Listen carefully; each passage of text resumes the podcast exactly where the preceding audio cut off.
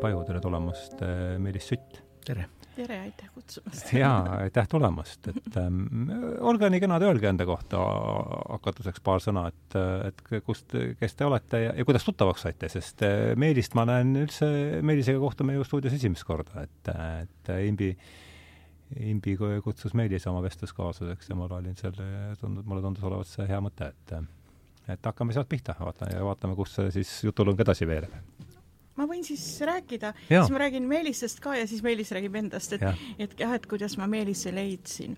et, et ma olen siis kirjanik ja olen teinud dokumentaalfilme, kirjutan vahel kultuurist, olen käinud loenguid pidamas ümber maailma ja olen tegelenud nagu niisuguse esseistliku stiilis mälukirjanduse, rohkem nagu sellise mõtestamise, et mul on olnud väga oluline see mõtestamise, kuidas me mõtestame, kuidas me mõtestame elu, kuidas me loome seda poeetilist äh, geograafiat või ja siis äh, võib-olla mul üks nagu siis kõige kuulsam raamat on Tõrjutud mälestused, mis siis läheb läbi mu ema loo ja ma vaatan ja selle nimeline film on ka ja, ja siis äh, selle tegemise käigus ma väga palju õppisin inimesest iseendast, sest äh, mu põhiprodutsent oli Soome üle dokumentaalfilmide projektijuht Ilkka Vehkalahti ja, ja ma olin talle kirjutanud pikalt viis käsikirja ja see oli Eesti-Soome koostöö küll, aga ja ta ütles, et tead, Imbi, sa tead nii palju fakte, aga sa pead minema üksikisikust üldisele Mm -hmm, ja, ja see oli mul nii suur töö ja see oli nii suur töö, kuidas ma seda teen. ja, ja siis, ja siis mul, no siis õnnestus ja, aga mul oli ka, ma õppisin tookord Soomes ja olin Eesti-Soome vahel ja ma sain tuttavaks psühhanalüütikutega, keda, keda siin tegelikult mm -hmm. ei olnud. oli ähm, Mikael Enkel, kes on mul siin raamatus, ta on kolmekümnendal sündinud ja, ja siis sealtkaudu tuli nagu see üks, tema oli üks, kelle kaudu me hakkasime mõtestama ja, ja läksime niimoodi kaugele Iisraeli välja mm. ja kaugemalegi ja siis ma nagu mm, nii et ma olen need, neid oma raamatuid teinud ja filme teinud ja, ja siis üks raamat ka, mis palju tähelepanu sai, oli äh, Sofi Oksaniga koos artiklite kogumik Kõige taga oli hirm mm, -hmm. kuidas me kaotasime ajaloo ja, ja siis ma sattusin ka niisugusesse nagu äh, infosõtta, milleks ma ei olnud üldse nagu lääne ühiskonnas või siin valmis. Ja siis ja millised asjad mul hakkasid trigerdama nii, niisugust noh, nagu et, et kuigi ma liikusin ümber maailma oma filmide ja asjadega, ma tõesti käinud, aga ma, kui keegi midagi ütles ja siis veel poliitiliselt ja keegi tähtis ja keegi läänes, siis mul see trigerdus niimoodi, et ma see, see lõpuks, seal palju asju, aga tõmbas sellise posttraumaatilise stressihäire. ja siis nagu, aga see on pikem jutt, ma olen siin maininud ka mm. -hmm. aga, aga noh, mulle meeldib väga kirjutada, kirjutamine on nagu mul selline ja siis noh, selline oluline asi, nii et, et mul noh, nii, ütleme nii, et maailm mulle avanes ja ma nagu käinud loenguid pidamas Taiwanis ja Iisraelis, Saksamaal ja USA-s ja see on mulle nii palju õpetanud inimesest midagi no siis ma otsisin Eestist ka oma psühhanalüütikud ja siis, ja siis ma leidsin mm, lihtsalt inimest, kellega filosofeerida mm. -hmm. ja siis ma leidsin Meelis, ma arvan, et mina helistasin sulle vist, jah ja. ja., sest ma olin täiesti vaimustatud, et ma e, e, leidsin mingi artikli ja mõtlesin oh,, Eestis on ka selline, siis äh, tuli välja, et Meelis on olnud ka Miikael Enkeli õpilane. ei, ei, aga või ta, sa oled tema loengut kuulanud või midagi? no ma olen temast lugenud ja, ja kuulnud ja, muidugi, et teda on ka eesti keelde tõlgitud. Miikael Enkel. jaa, jah, ja, ja, ja siis ähm, ta on kirjanik ka ja sellisest vanast soome-rootsi äh, suguvõsast igal juhul äh,, siis ma tegin veel paralleelselt ka Võtikveres Raamatuküla äh, kirjandusfestivali, see oli esimene. kus on Võtikvere? Võtikvere on Mustvee lähedal, see on läbi Avinurme mm -hmm. ja seitseteist kilomeetrit ja siis Ulvi ja siis tuleb Võtikvere ja siis tuleb Mustvee. Ulvi on mulle väga tuttav koht, mu no. enda juured lähevad. ah tõesti, võib-olla oleme sugulased ja siis me nagu jah, et aga mu vanemad on sinna tulnud, mhm. et noh, isa suunati sinna, isa oli metsaülem ja siis -hmm. ema, ema tuli, ema viidi väga noore tüdrukuna laagrisse ja siis viiskümmend neli ta tuli ja siis nad noh, nende lugu ja siis nad kohtusid. aga nii, et et seal äh, siis ma tegin sellist kirjandusfestivali vabaõhusalongi ja mul olid kõik niisugused Eesti-aegsed äh, eeskujud, kõik, mida ma kuulsin lapsena vanadelt inimestelt, kõik kirjandustoad ja nii edasi ja siis ma, äh, siis kakskümmend aastat ma seda vedasin ja siis lõpuks sai jah, tõesti Meelisega oleme kirjutanud, ma olen Meelist tsiteerinud mingites artiklites, küsinud nõu ja, ja, ja siis rääkinud pikalt ja, ja nüüd me oleme samas saates mm. nii et ja mulle ka väga meeldinud ka, et eh, Meelise artiklid ja Meelise mm, mõtisklused, sellised haikud, mida ta Facebookis jagab.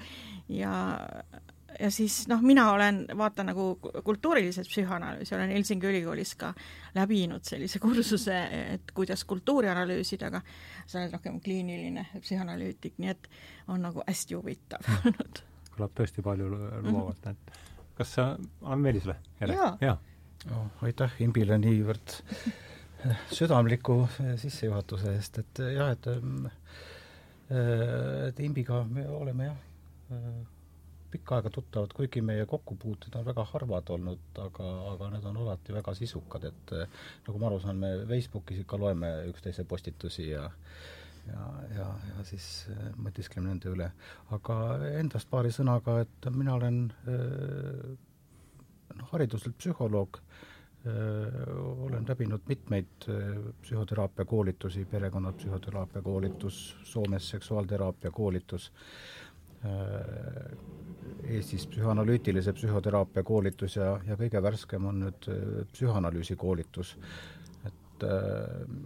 mis on veel ametlikult otsad kokku tõmbamata, aga, aga lühidalt jah, olen igapäevaselt tegutsenud psühhoanalüütilise psühhoterapeudina, kellel on ka õigus psühhoanalüüsi teha mm. -hmm. see on siis äh, Jung, me räägime nüüd, kui me räägime psühhoanalüüsist, kas me räägime siis Jungi, jungiaanlikust psühhoanalüüsist või kuidas selgitame seal neid Äh, palun neid mõisteid ka. jah, et, et kuidas, mis kontekstis me mm, -hmm. mis, mis konteksti see sõna asetub praegu? Jungiaanidel on analüütiline psühholoogia. ahah ahah, sedapidi jah, jah, jah, jah, jah. et mm -hmm. kuigi ka Jung ja Freud on koos alustanud ja Jung on olnud Freudi just. õpilane, aga ja. nii nagu ka mitmed teised jungrid on nad leidnud ja. oma suuna, kuidas ja. mõelda ja, ja arendanud siis paljud ka, ka oma teraapiasuunad ja koolkonnad välja. psühhoanalüüs on siis pigem see, mis on saanud äh, Freudi Freudist alguse. ja, ja, ja analüütiline psühholoogia on see, mis on siis just jungiaanlik mm. -hmm. sellest ma kahjuks väga palju ei tea aga me Eestis on nad ka esindatud, neil on oma selts siin ja, ja väga aktiivsed inimesed mm. -hmm. nii äh,, aga see on siis avavooruks kõik praegu või? vaatame siis, räägime, kuulutame teema välja. et teema äh, tõukub siis meie mm, eelmise, üle-eelmisest lehest, augusti numbris oli see, see oli pühendatud nartsissismile ja ja kuidagi meil siis tekkis mm, imbiga meilivahetus ja ja, ja kuivõrd ähm, äh, kaamera on, näita palun oma raamatut siis ka äh, kaamerasse imbi, et ilmus siis just äh, jah, siia selles. ah, siia äh, kirjanduskliinikus sõna nartsissism, ma käisin täna veel, tegin PDF-failist otsingu, ta vähemasti kümnel korral seal äh, hüppas üles ja ja ühes ko-, ja, ja siis ühel korral oli ta ju lausa pealkirjas vist. jaa ja et nartsissism on siis see teema, mis on meid äh, siin täna kokku toonud ja annab selle vestlusele raami, jutt kipub nagu ikka siin käima uduuris puukuurijaga, aga aga mingi põhiteema on siin äh, ikkagi vajalik ja ja hakkame siis sellesse, kuidas teie seda, mis too on äh, nartsissism? Et, et ma võin siis öelda, et, et, et kuna siit minu raamatust oli juttu ja ma seda kasutan, siis, et siis üheksakümnendate, ütlen enda taustaks, läksin õppima Helsingi ülikooli ja siis äh, Äh, ma olen läbinud õppima mida? õppima, äh, ma teeksin algul soome keelt ja kultuuri Aha. ja siis ma läksin edasi nagu sotsiaalteadused mm. -hmm. ja, ja siis äh, see oli minu jaoks väga huvitav, ma tookord, ma olen vist esimene, kes on õppinud niisugust sooteadusi sooga ah,, aga ma arvan nii, et nüüd on kõik nii muutunud, et, et muutunud hiina keeleks, et ma vist praegu ei saaks enam hästi aru, aga tookord oli see mulle nagu Mm, väga nagu huvitav vaadata ja, ja on siiamaani mulle tööriistadeks, töö, kui ma siin mõtisklen või kirjutan või, või ma oskan nagu ühiskonda või, või või noh, vaadata või peredünaamikat ja siis äh, meil oli ka psühhanalüüsi kursus, aga me vaatasime siis kultuuriliselt ja, ja, ja min-, mulle avaldas hästi tugevat mõju Julia Kristeva, semiootiku ja psühhanalüütiku äh, tööd, kus ta räägib seal, kuidas laps kujuneb ja ema ja tütre suhetest ja, ja sellisest äh, narcissismi, kuidas see, räägib siis semiootiliselt, kuidas see, kuidas see mina või see subjekt kujuneb läbi siis, millised on need semiootilised eel, eel need sellised etapid. ja, ja tegelikult äh, no siin ongi nagu, et selle mõju mul oli päris suur, sest ma ei olnud kunagi midagi niisugust kuulnud Mm -hmm. ja, ja ma olen ka nagu hea niisugune ähm, inter- või arhiivides nagu nokitseja, et ma kogu aeg avastan sealt midagi. ja siis äh, ja üldse nagu see ütleme nii, no me räägime nartsissismist, aga aga need teemad tegelikult olid ka Eesti Vabariigis enne sõda äh, juba olemas aga nüüd on, kui kolmkümmend miljonit raamatut ja ajakirja põletatakse ära ja elavad teadused, siis, siis nad on nagu, jäid nagu meie teaduseks, teadusest välja ja siis ma hakkasin nagu vaatama ka seda, et, et kuidas siis meie see ühiskond, kuhu minagi sündisin või see Nõukogude ühiskond, minu jaoks siis see kultuuriliselt oli ka nartsissistlik, kuna nagu ei, esitas oma selline dominandi, mis on õige ja kuidas me mhm. peame kõik koos mõtlema ja ja karistas, kes mõtles teistmoodi, aga, või siis pidid, inimesed pidid valda- või nagu oskama mingeid mänge nii et eh, jah, et mul on tõesti, siin on ema nartsissism ja armastusäng on mul siin üks mm, -hmm. üks peatükk, et siis ma võin natukene seda tutvustada, et ma just mõtlesin, et mina ja kui räägin nagu kultuurilisest kontekstist, siis mind huvitab ka nagu see eh, noh, ütleme see see kliiniline kontekst, mida jälle Meelis hästi nagu ja, ja, ja mida ma mõtlesin, kui see sobib ja noh, nüüd, et enne kui ma lõpetan, et ma võiksin lugeda nagu mõned kohad, et, et ütleme, kuulaja, kes ei ole, et saab, on küll üks selline sõna, aga, aga, aga mit, kuidas see nagu väljendub siis, et ole hea, muidugi. ah, sa arvad, et ma võin juba lugeda? jah. ma arvan küll, jah, jah ja,, miks mitte. no e, see, see on lehekülg sada kaheksakümmend kaheksa, selle pealkiri on Ema nartsissism ja armastuse äng. et seda ma võin raamatu kohta öelda, et mul läheb jah, et igaks juhuks ma seda ei tutvustanud ka, et see läheb mul nagu, nagu samm-sammult pikka, pikka mööda, ma püüan avada neid, neid tundeskaalasid ja anda nagu sõnavara sellele, kus meil sõnavara ei ole mm. -hmm. et ma julgustan, vahel meil on vaja sellist asja, et näiteks filosoofias eh, on ju see, et kui me loeme filosoofiat ähm, ja me saame teada, et see filosoof on või antiist, kus tahes, nad on käsitlenud juba seda teemat, siis see on nagu huvitav, see on nagu vanema suhe, et see on nii, et see nagu annab sulle loa, et ma võin niimoodi mõelda, et ma võin niimoodi tunda, et seda on juba käsitletud aasta -hmm. aastasadu. ja, ja selline ja siis sellepärast ma nagu äh, püüan ka nagu anda luba või julgustada, aga, aga see on ka mu oma isiklik protsess, sest muidu ei saagi kirjutada. aga ema nartsissism on siis, see peatükk on siis Eeva Pargi raamat Lemmikloomade paradiis, on mind inspireerinud ja mul on olnud ka tähtis, et, et kuhu ma fookuse suunan, et tihti on, on ju väga tore rääkida, kuidas on, kes keegi kuskil Ameerikas või Pari- või, või Euroopas on midagi öelnud, aga ma olen nagu fokusseerinud siia meie kultuuriruumi, et ta kasvataks ka nagu tähelepanu ja lugupidamiskultuuri ja, ja sellist lähedal olevat avastamist. ja siin on siis nii, et äh, Eeva Pargi lemmikroomade paradiisi lugedes tundsin, et olen nagu kahe maailma vahel. kaunid visuaalsed meelelised kohad ja olukordade kirjeldused romaanis olid nii paljulubavad.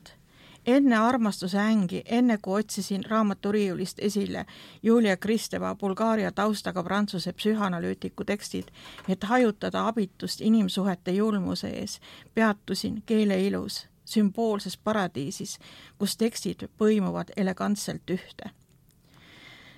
ja, ja siis niimoodi ja siis siin on siis nagu ema ja tütre suhe, mida ma siis käsitlen. Mm, ja, ja siis on siis selle tüt-, tütre ja, ja siis tema armastatu suhe. Äh, äh, ma vaatan siis, kus no küll, jah, ras-, ja siis on ähm, siis on romaanis tekst. rasked vihmapiisad nirisevad loogeldes mööda välimist klaasi. Nad voolavad kokku ja siis jälle hargnevad nagu jõed ning kuna mul ei ole midagi muud teha, jälgin ma neid tundide kaupa kui mingit isesorti maakaarti. jutumärgid lõpevad. jätkan lugemist ja libisen üle kohtadest, millesse ma ei taha vaadata ma ei taha peatuda kohtades, kus sünnib paradiisist väljaajamine, kus empaatia ja emotsioonid kalestuvad ja asemele astub julmus. inimesest saab teise lemmikloom, mani-, manipulatsioonivahend, kellele kantakse üle oma sisemaastiku lahendamata probleemid, primitiivsed käitumisrefleksid, keda pannakse ootama, olema armastuse ja heakskiidu ootuses. ja kui ta tüütab, kui emotsioonid ei kannata armastuse ja kire ees abitust välja, aetakse minema, reedetakse ja hüljatakse. Aga nagu näitab Aristoteles oma raamatus Luulekunst, alles kriisi hetkel sünnib kirjanik, nii ka selles romaanis. ja äh, esimene armastus inimese elus on ema armastus. ema pilk, ema sõnad, romaani peategelase, noorele alustavale literaadile, Minna-Mariale, ei saa sellist armastust osaks juba beebina. tütrest saab ema frustratsiooni väljaelamise objekt. See on romaanis aega, ajastusse ja kultuuri justkui sisse kodeeritud lugesin raamatut kaks korda, teist korda romaani sügavalt romaani sügavalt süüvides, seda endale selle traumaatilises, dramaatilisuses lähedale lastes. ja nüüd hakkab romaani tekst, mis käsitleb siis seda, seda, seda näit-, näide sellest suhtest. kui isa surma sai, muutus vesi akvaariumis pikkamööda sogaseks ema käis ja toitis kalu mitu korda päevas, seisid rinna, seisis rinnad vastu rohe, rohekas hägust klaasseina ja vale, vara, valas paberituutust allikapruuni toitesegu veetaimede vahele. viimane elus kala oli akvaariumi põhjas, liikumatult tihedate veetaimede vahel ning ta uimede narmas ääred värisesid hingamispingutusest sogases vees sa toitsid nad surnuks, ütles, ütles, ütlesin ma emale ning ta haaras ämbri ja valas sisu mulle sülle, raamatule, mida olin jõudnud kinni lüüa. ema suudab end heaks kiita vaid poja olemasolu kaudu, võrdluste kaudu, tütart armastusest ilma jättes. poeg on ema argipäeva leevendaja, tema olemasolu peab korvama ema läbielatud pettumused tütar on emale tema minapildi sisemaastiku jätk, eneseviha, millesse ta ei oska vaadata, kandes oma ängi tütresse, endaga samasse sugupoolde, seetõttu ei näe ta tütart eraldiseisva isiksusena. see jätk on teadvustamatu ja tume, seal puudub õrnus, naer ja armastus. ema kordas alati, tuleb käia oma elus ringi nagu raudrüüs, kandma helkivat äh, pantserit visiiri näo ees, õla ja, äh, ja rinna kaitsmeid, võiduvärve kiivrilipul ja ta karjus mulle ka siis, kui ma üldse ei nutnud. lõpeta nutmine, kellel sellest abi on? issand, mida see muudab, sa pead oma eluga ise, ise hakkama saama. igaüks peab, Silver, peategelase vend, on südamlik ja tun-, tundlik, aga sina naudid iga oma nuuksatust. ma tean teid naisi, ussisugu, ma tean. Kes, tuletame meelde kes on selle romaani autor nüüd? Eeva Park. ah, Eeva Park ja. oli jah mm -hmm.? ah, Eeva Park oli mm. -hmm. Mm -hmm. aga kui vaatame nüüd, ähm, see nüüd ikkagi visand-, visandas mingi väljaku piiri, eks, et aga, aga vaatame seda asja nüüd kliinilisest nurgast, et ega sellist asja vist väga sageli ei tule, et tuleb keegi patsient ja ütleb, et ma olen nartsissist, et andke mulle tablett või mingi, et see, see tuleb ikkagi, see hõljub seal taga kuidagi või? noh, ma ütleks, et on, on väga erineva eneseteadvusega äh, inimesi, kes tulevad, et äh, äh, mõned on ennast juba kuidagi määratlenud ja, ja diagnoosinud või, või noh, milles on siis rohkem nagu sellist tõsi, tõsist sisu või, või on mur-, murelik sisu või hirmunud sisu noh, nende enda sellises enesemääratluses ja hinnangus. et äh, noh, ma ma annan aru, et meil tänane vestlusteema on nartsissism või nartsism, kuidas ja. seal soovitati sellest teie ja, ja seal jah, käis keeleteadlane, mäletada ime. et Uudo Uibo oli see jah, jah, et kirjutas sõna etümoloogiast. Et äh,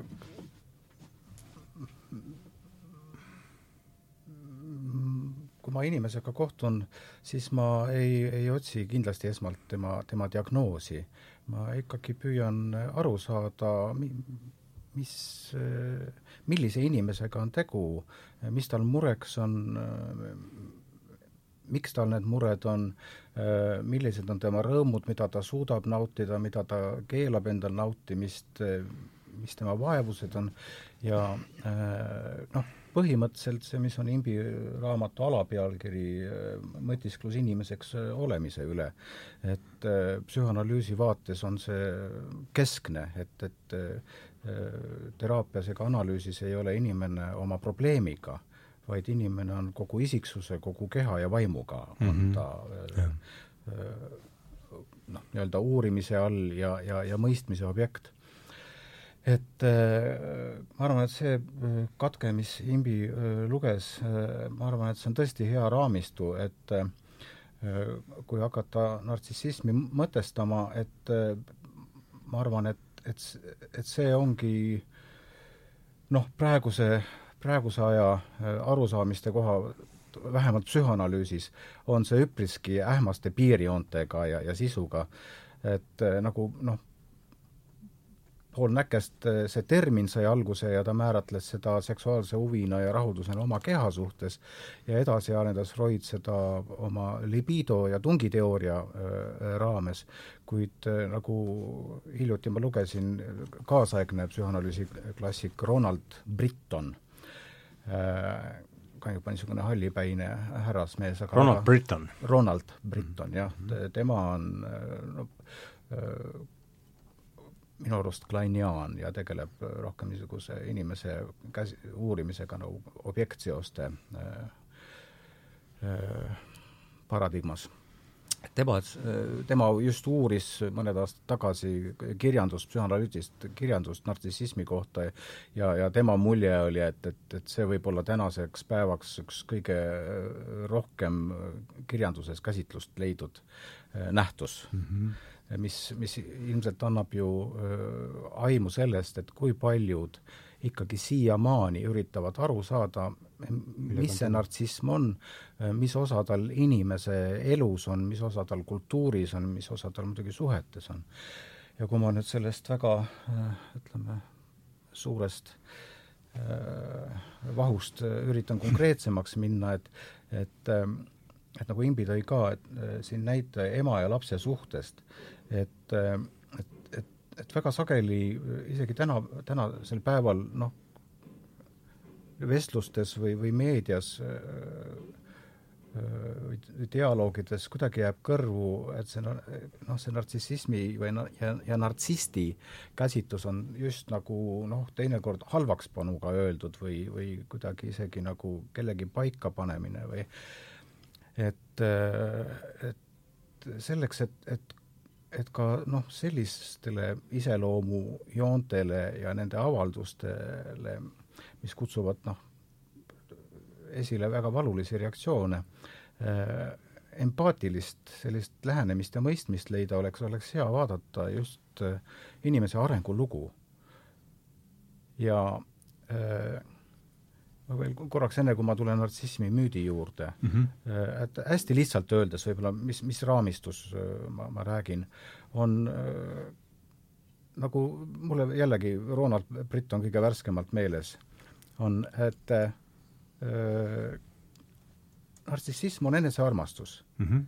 ja kui seda armastust äh, ei ole piisavalt saadud, siis ennast ei ole võimalik armastada noh, tervikuna kõigi oma heade vigadega, puudustega ja, ja ei ole võimalik ka tulla ka, kahjuks äh, nii hästi pettumuste ja kaotustega ja puudustega toime kui inimesed, kes on kogenud äh, lapsest alates mõistmist, armastust ja ka nende äh, iseloomu ja reaktsioonide mõistmist ja hoidmist, mis on rohkem nagu vägivaldsed, jõulised või kurvad.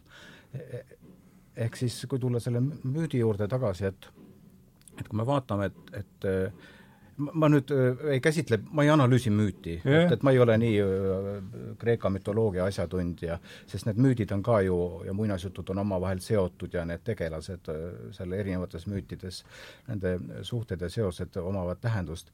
aga et ma vaatan seda müüti, käsitlen just nagu lähtuvalt psühhanalüütilistest vaatenurkadest yeah. ja oma kliinilisest praktikast, mingisuguse nagu koond, sellise portree või visanduse üritan, üritan praegu siin, täna siin mm -hmm. selles olukorras luua et äh, Narkissos minu arusaamist mööda sündis äh, ju jõenümfile, Leriope, Leriopele, äh, ja ta sündis vägivaldsest suhtest, et tema ema vägistati. ja, ja, ja, ja, ja selle vägistamise vahekorra tulemusena sai Narkissos siis oma elu. ehk siis ta sündis noh, ikkagi sellisest haavatud ja haavatava öö, naise öö, pojana. ja, ja kui nark-, nartsissost või narkissost nagu noh, kirjeldatakse, et teda kirjeldatakse väga sellise enesekesksena ja uhkena ja isegi ülbena, kes ei hoolinud teistest.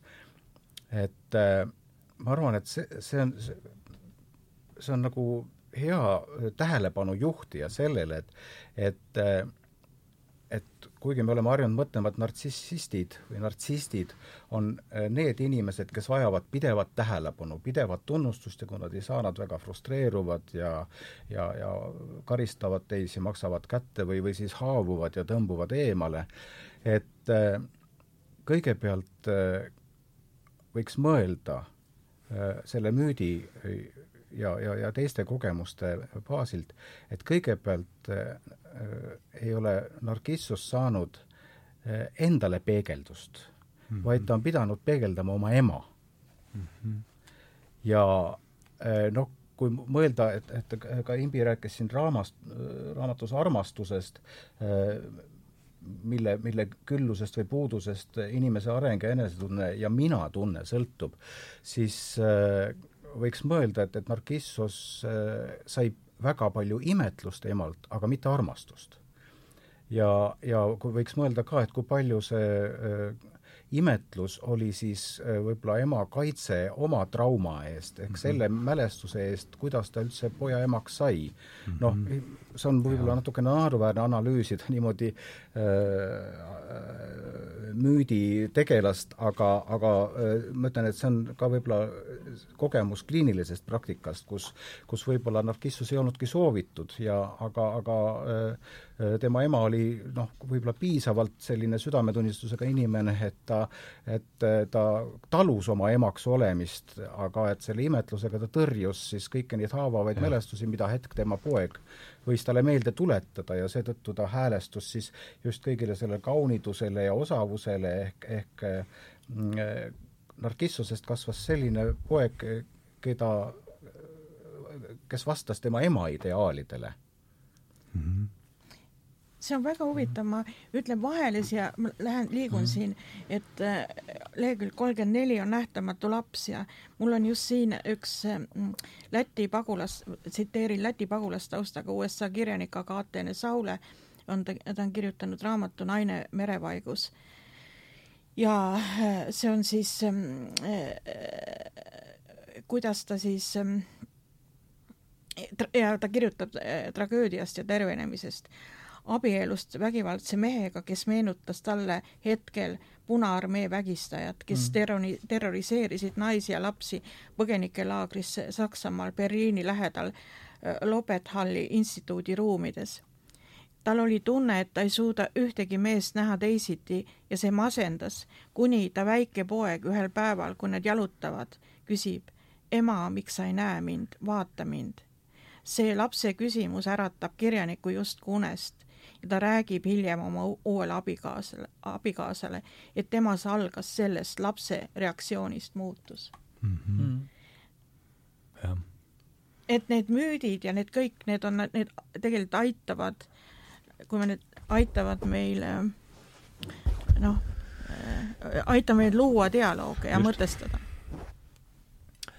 anti-, kuidas ütles James, James Hillman, et äh, mütoloogia oli antiikaja psühholoogia ja psühholoogia on äh, uus aja mütoloogia äh,. on, jäi mulle niisugune äh, lause meelde, see psühholoogid, kes on mind siin viimastel aastatel päris palju mõjutanud, et äh, mis, kuidas see, vaatan, et Meelis see nagu ta jäid, mis, oled sa kuulnud seda mõtet varem ja mis, mis see sul, milliseid assotsiatsioone see sinus äratas? ma seda konkreetset mõtet ei olnud kuulnud, aga ma arvan, see on väga äh, ta-, lühidalt ja tabavalt äh, sõnastatud. mulle ka meeldis see, jah. just, et äh, inglise psühhoanalüütik Wilfrid Bion Wilfrid Bion. Wilfrid jah, Wilfrid Rupert Bion äh,. Bion neli tähte B-ga või? täpselt mm, -hmm. jah. Mhm. Wilfrid Bion äh,.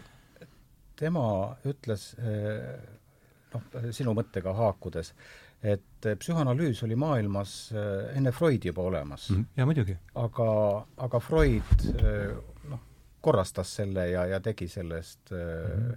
noh, raviviisi, uurimismeetodi mm -hmm. ja kultuuri mõtestamise viisi. ehk see, et, et ma, ma julgen oletada, antropoloogide panus oleks praegusel hetkel väga äh, tänuväärne, ilmselt nad võiks arvata, et, et inimesed on mõelnud oma psüühika, oma, oma hingeelu ja oma suhte üle teiste inimeste ja loodusega ja maailmaruumiga veel kindlasti palju varem. muidu pole ju võimalik ellugi jääda. just, just, just, jah kui ma võin vahele öelda muidugi, siia jah. jutule, et eh, kuna eh, nüüd eh, Kreutzwaldil on ka juubel tulemas, siis ma olen nii palju mõelnud, et Kreutzwaldi e-, Eesti rahva ennemuistsed lood see on mm -hmm. ju, et see on uskumatu. psühholoogia varamu, eks ole. psühholoogia varamu, kuidas hakkama saada mm. -hmm. et see ei ole ainult lastele, vaid see on täiskasvanud. täiesti uskumatu, ma nagu, mul tuleb meelde nagu kõik, mida ma lapsepõlves lugesin ja ma jälle kuidagi, see on nagu sellise veetlusega, et sa tahad uuesti sinna ja. minna. et milline ja, ja kas mitte Jung ei kasutanud ka mm, e, Eesti muinasjutte paari-kolme oma mingis uurimustöös ehm, jah, ta äh, ka nagu sellisest hakkamasaamise, ma ei mäleta, kas seal oli üks neiu juustega või kuidas ta ronis sealt kuskilt või ma pean täpsustama, aga Jung kindlasti kasutas ka paari, paari Eesti muinasjuttu. aa, sellest ma ei ole kuulnud et, et meil on, see, mis mind huvitab, on see, mida ma siia ka panin, mul on mm -hmm. muidugi vaatan siin noh, siin lähiümbruses ringi ja lähen kaugemale ka, aga aga, aga, aga noh, me oleme nagu niisugune koloniseeritud rahvas olnud ja me nagu tihtipeale me nagu ei näe siia lähedale, et millist nagu äh,, millised imelised lood meil on siin, täiesti uskumatud. ja nagu see Kreutzwaldki, ma mõtlesin, et ma pean sellest kirjutama kohe, et kuidas ta, kuidas ta seda nende lugude kaudu ju, kuidas see eestlane siis hakkama sai ja liikus mm. -hmm. et see on samasugune psühhoanalüüs. ja, ja ja, ja tegelikult näiteks siin raamatus ka ju, et ma, ma ütlen ka niimoodi, kui sa räägid seda, et peab nagu vaatama, kust see inimene tuleb või taust siis ka, et et ma ütlen ka, et see, et ma vaatan nagu siin elukaarel ringi, et ma vaatan ette ja taha ja otse ja, ja, ja see on nagu, et, et et see ei ole nagu minevik, vaid see on meie elus olnud ja, ja mida me võime siit õppida või taibata ja kuidas dialoogis olla ja kuidas nagu siis äh, niimoodi äh, endast aru saada nii kurbuses kui rõõmus mm.. Mm. Yeah.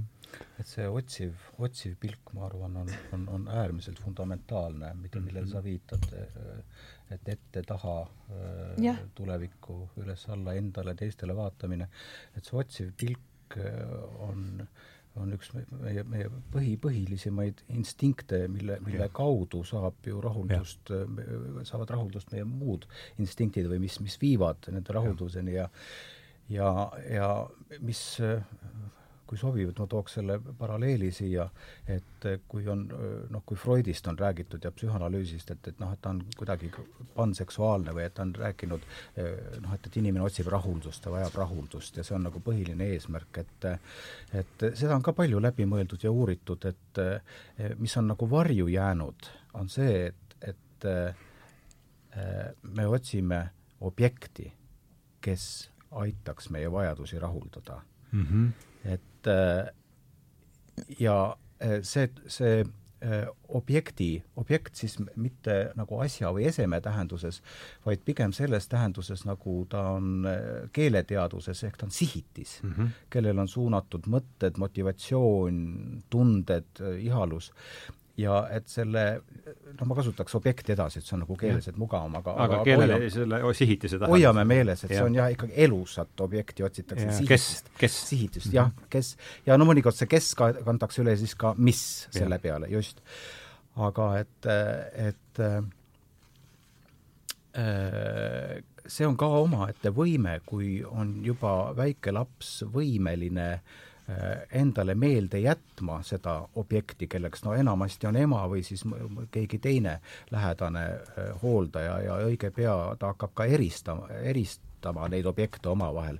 aga et, et, et see äh, järjestus võiks käia kuidagi üldjoontes niimoodi, et, et on vajadus millest imik ei saagi aru, mis temaga on, aga ema mõistab ja rahuldab selle, noh näiteks, eks ole, vajadus toidu järgi Äh, ja siis see säilib mälujäljena, see, see rahuldus ja see tunne, tekib mingisugune side ja, ja, ja äh, nende rahulduse ja vajaduse vahel meeles. see on muidugi hüpoteetiline, sest beebid ei ole võimelised rääkima, aga seda on noh, noh empaatilise vaatlusega on, on neid järeldusi tehtud.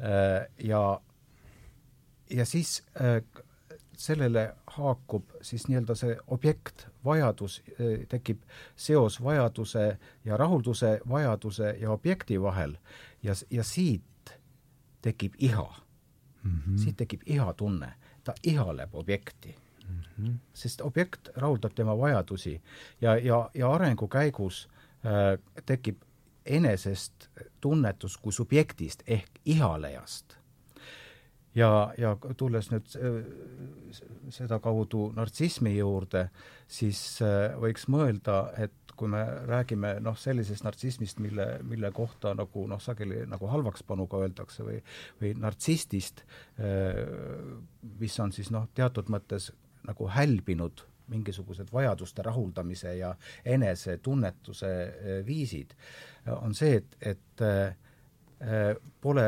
taibatud vajadusi, pole taibatud, mi-, milliseid vajadusi rahuldatakse ja, ja nagu Imbi eelmine katkend nartsistlikust emast, et ema on, on olnud väga pettunud oma objekti kaotusest. võiks eeldada, et isa oli tema, tähendab selle lapse isa, siis selle naise mees, oli, oli naise jaoks siis äärmiselt oluline objekt, kellest sõltus siis naise äh, meeleline tasakaal ja heaolu.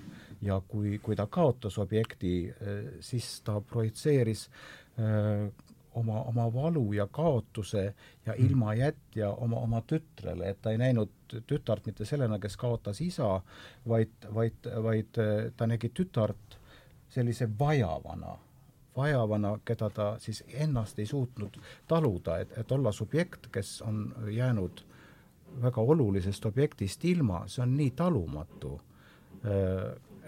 see projitseeritakse välja ja, ja antud juhul siis oma, oma lapsele mm. -hmm. aga siin on veel see, et, et e, e, ma kirjutan, ema suudab end heaks kiita vaid poja olemasolu kaudu, võrdluste kaudu, tütart armastusest ilma jättes. poeg on ema argipäeva leevendaja, tema olemasolu e, peab korvama ema läbielatud pettumused ja siin eelpool ma kirjutan ka seda, mis neid mõtteid tekitasid, et siis, et äh, et tegelikult see, see olukord ka äh, lõhestab ühiskonda, kui poeg ja tütar äh, pannakse sellisesse, ema asetab nad sellisesse võr-, võrdlevasse positsiooni, siis sel pojal tekib ka vastuoluline suhe vastassooga. Ja mm, -hmm. ja tegelikult ka sel tütrel tekib vastuoluline suhe iseendaga ja ta nagu ei suuda seda, ta, et seal raamatus ka ta läheb lõpuks Inglismaale õppima, aga ta nagu ei, ei, ta, ta võib tunda küll nagu oma partnerlussuhest nagu sellist seksuaalset iha, aga ta, ta ja siis ta püüab leida enna, ennast läbi, ta püüab kirjanikuks saada, aga, aga tegelikult ta nagu ta, ta teeb need asjad ära, aga ta ta ikka ei ole päris ise see ei kujune nagu selleks, et need ohjad on enda käes, et, et siit raamatust jääb nagu selline mm, et see on hea raamat, aga, aga selline ei suuda rahuldust tunda oma saavutustest. ja selle, kuidas oli selle Eva Pargi raamatu nimi nüüd äh,? nüüd ma pean jälle vaatama, kuhu ma selle nüüd siis panin äh,. Mm.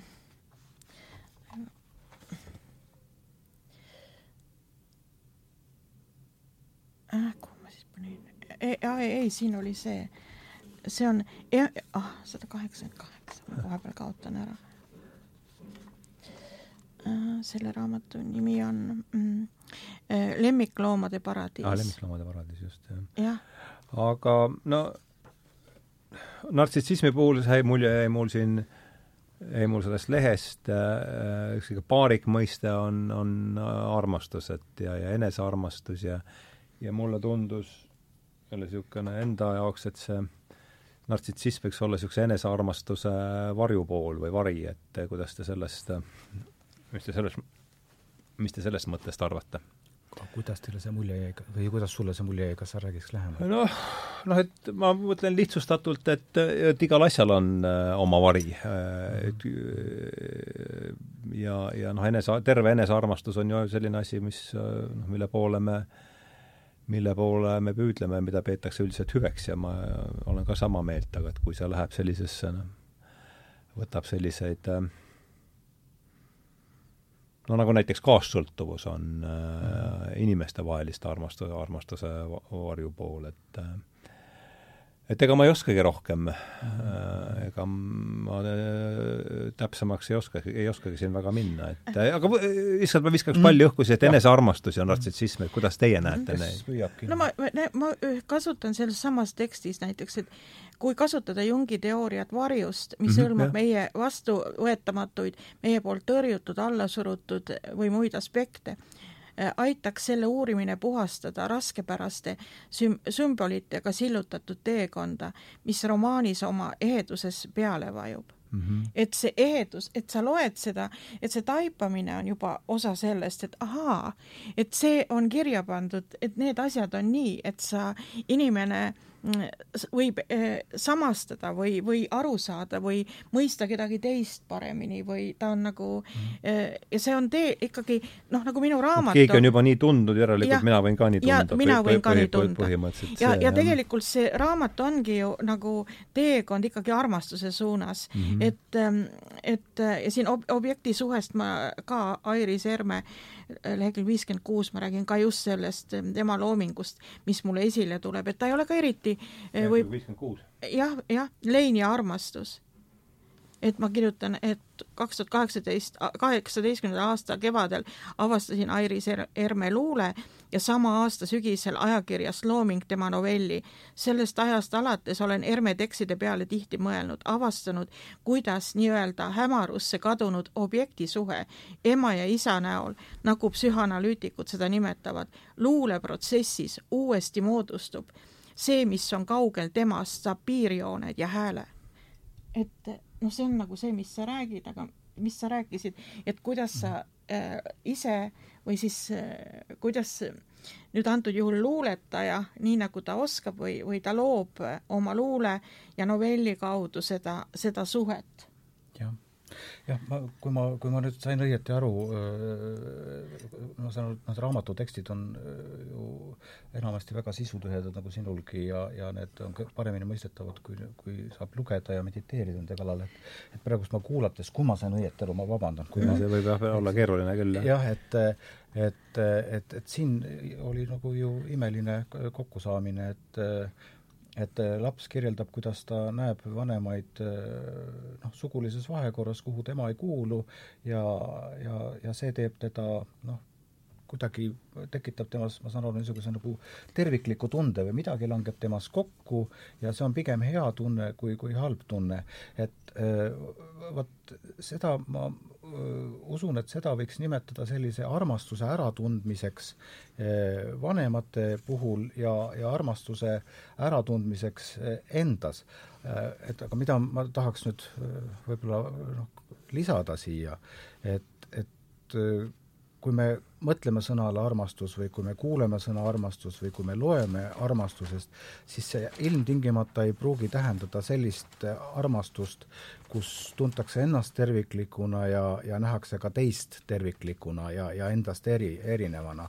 et, et Ardo, kui sa, sinu see küsimus minul pigem kajas sellena, et, et kas, kas, kas siin võib-olla kasutatakse, kasutatakse sõna armastus kuidagi ära. Mm.. Et armast-, et see, see pigem kõlas natukene sellena, et, et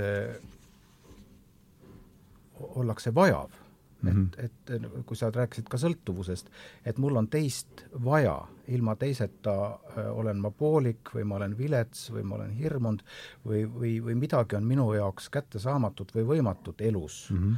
või, või, või seisundis äh,, äh, et ma olen kuidagi poolik või puudulik et, et mulle see pigem kõlab sellise noh, nagu haava väljendusena mm, -hmm. millele siis yeah. noh, üritatakse kuidagi noh, sinna armastust lisada, et mm, -hmm. et, et pigem selline mulje jäi mulle. nojah, see teine, üks, üks võtmesõna, mis siit käis juba korra läbi, on ja, ja ma kujutan ette, milles on imbi looming ju paljugi, paljuski keskendunud, seesama trauma, et mm. et et võtame, siku-, vaatame, kuhu see, see niidiots meid, kus, kuhu me seda sikutada saame, et trauma, kuidas teie sellest äh, hoiame seda nartsissismi seal taamal, aga et, et ongi väga seotud. jah, et trauma ja nartsissism, et võtame, võtame järgmise ringi, kuhu see meid viib.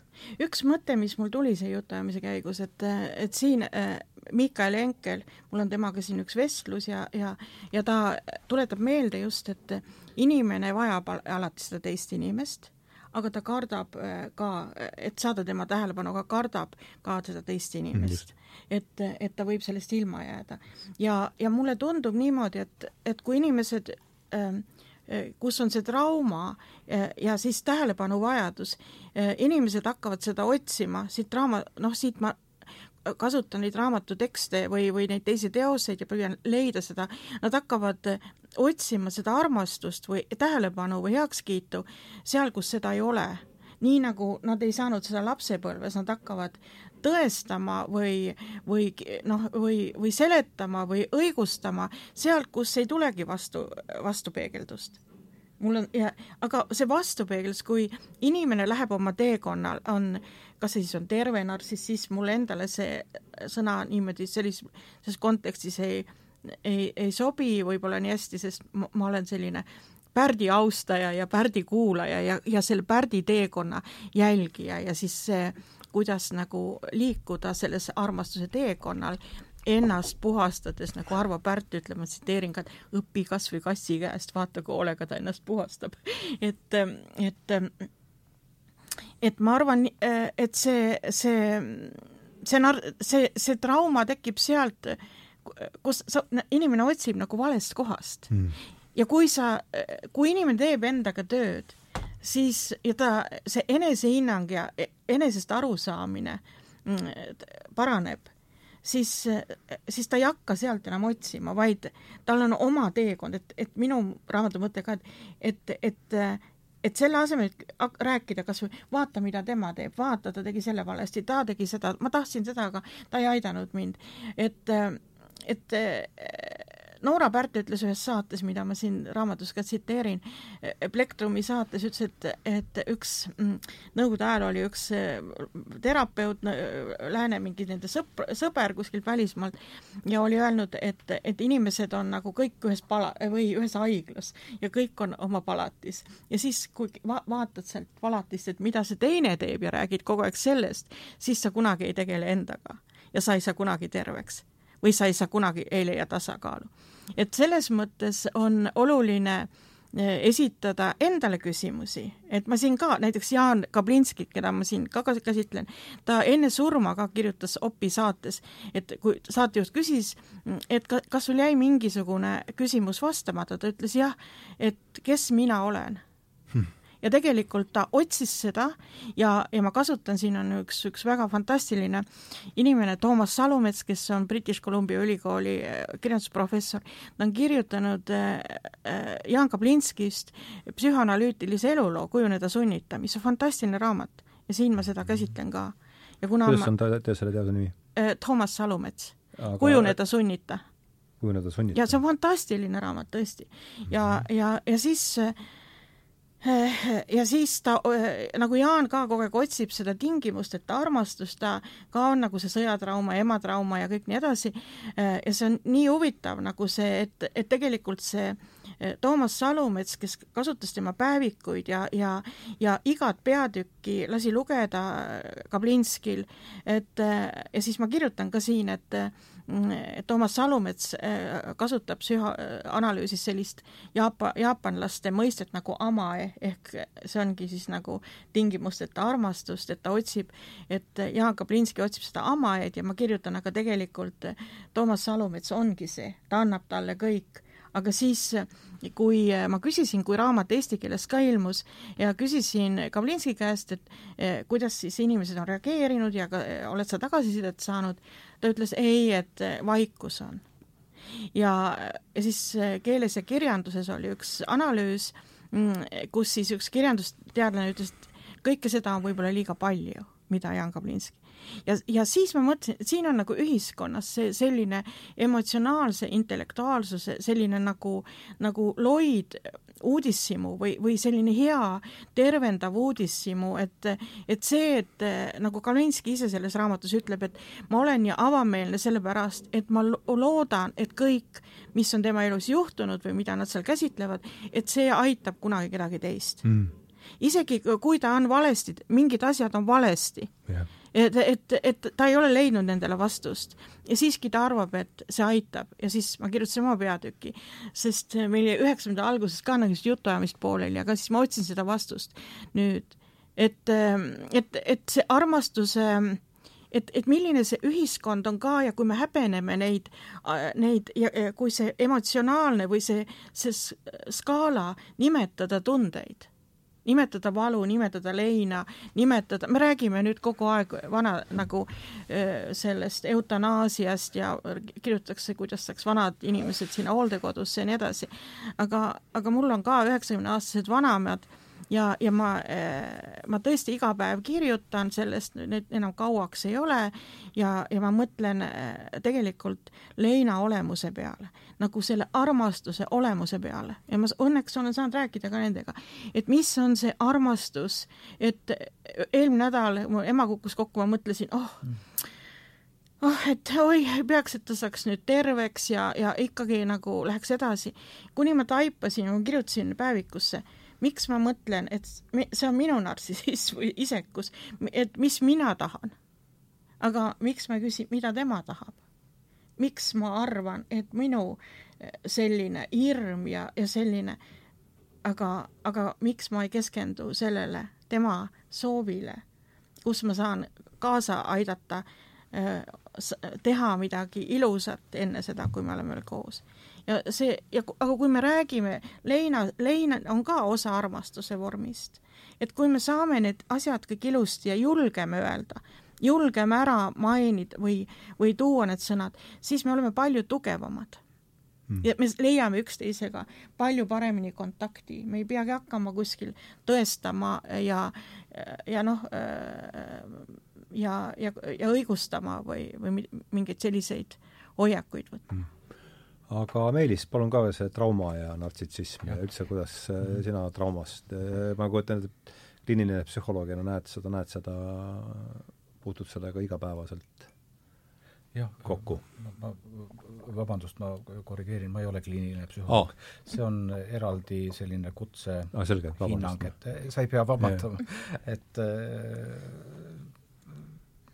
need asjad ongi nii spetsiifilised, et ei peagi neid teadma. Mm. -hmm Äh, psühholoogina siis? psühhoanalüütik, psühhoanalüütikuna, jah. Äh, ma äh, kõigepealt ütleks, et trauma minu senise arusaamise koha pealt psüühiline trauma, et ma mõtlen sellest niimoodi, ja see ei ole minu mõte, vaid ma tuginen kogemusele ja noh, oma haridusele, et trauma on, juhtub inimesega siis, kui kui midagi on tema psüühika jaoks liiga palju, käsitlematus ja, ja selles mõttes noh, seda on psühholoogid ju, teadlased on ju sageli välja toonud, et et, et mitte niivõrd sündmused ei ole traumaatilised, kuivõrd inimeste reaktsioon on traumaatiline. Mm -hmm. ehk midagi on nende jaoks käsitlematut, midagi on liiga palju ja see, millest Imbi alustas äh, oma, oma praegust äh, seda mõttearendust, on minu arusaamine, see minu arusaamise järgi trauma kordamine, et, et mm -hmm. korjatakse enda traumat ja ja korraldatakse teistele sarnaseid traumasid ja, ja kui noh, püüda siin mingisugust empaatilist äh, vaatenurka leida sellele, siis on see, et, et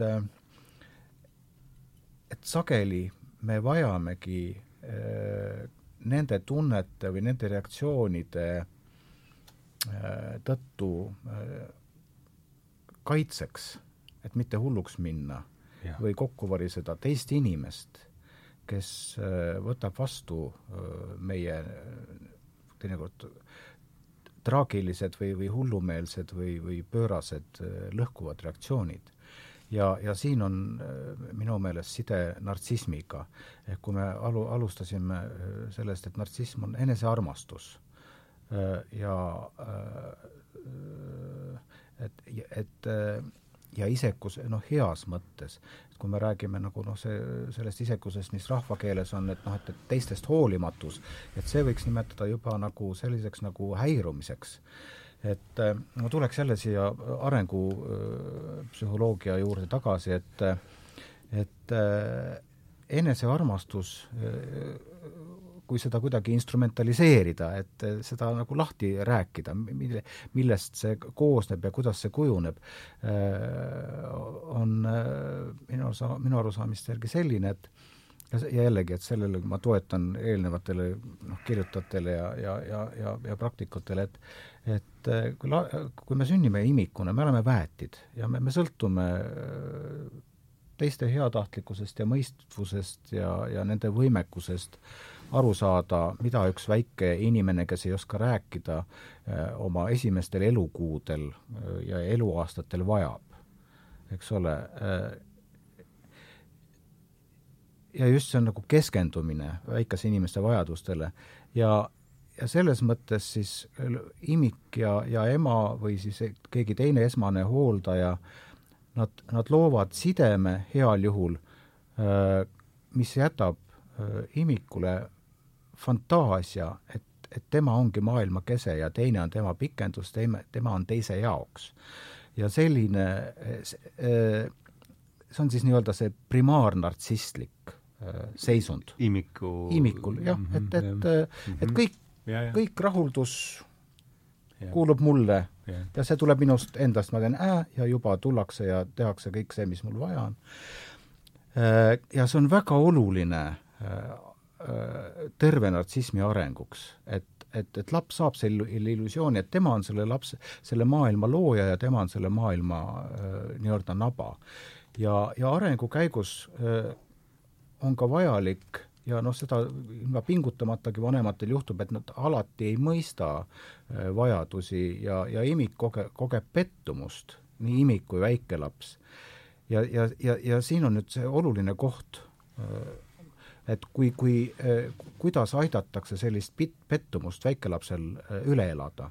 kas, kas mõistetakse tema pettumust, milles see pettumus on, kuidas osatakse lohutada või jäetakse üksinda pettunud imik või, või õnnetu imik, kes siis võib eh, karjuda ennast siniseks ja, ja saab mm -hmm. kogemuse, et et kui sul häda vaja on, siis mitte keegi ei tule. Ja, ja see on siis, ongi niisugune haav ehk siis trauma? Trau-, jah, haav meelehaav, trauma mm -hmm. oma, oma enesetunnetusse mm, -hmm. eks ole, et, et sa ei, sa ei tohi näiteks, hästi lihtsustatult, sa ei tohi olla vajav, sa ei tohi teise suhtes vajav olla, sest äh, siis sa jääd häbisse, sind, sind, sind ei mõisteta ja, ja sa, sa koged uuesti pettumust. et, äh, et, et siit, siit võiks juba siis rääkida, et kuidas äh, selline nartsissism kui hälve areneb välja. et, et me alati vajame teist inimest ja, ja äh, noh, ütleme võib-olla igapäevases suhtluses ja võib-olla ametialases suhtluses me ei ole võimelised olema teise jaoks see, see vastuvõtja, kes, kes talub ja mõistab teise nagu seda valu, mis on tema viha ja, ja, ja pöörasuse taga mm. -hmm. kuigi, kuigi võib seda aimata, need positsioonidki on teistsugused, eks ole, ja, ja suhted on teistsugused, aga, aga millele ma tahtsin vist viidata, mida Im-, Imbi ka ära puudutas just selles objektseostes, vist oli eelmises küsimuses, et et, et, et me oma arengu käigus oleme vajanud ja, ja ma arvan, et me terve elu me vajame teist inimest, kes saab meist aru siis, kui me endast aru ei saa.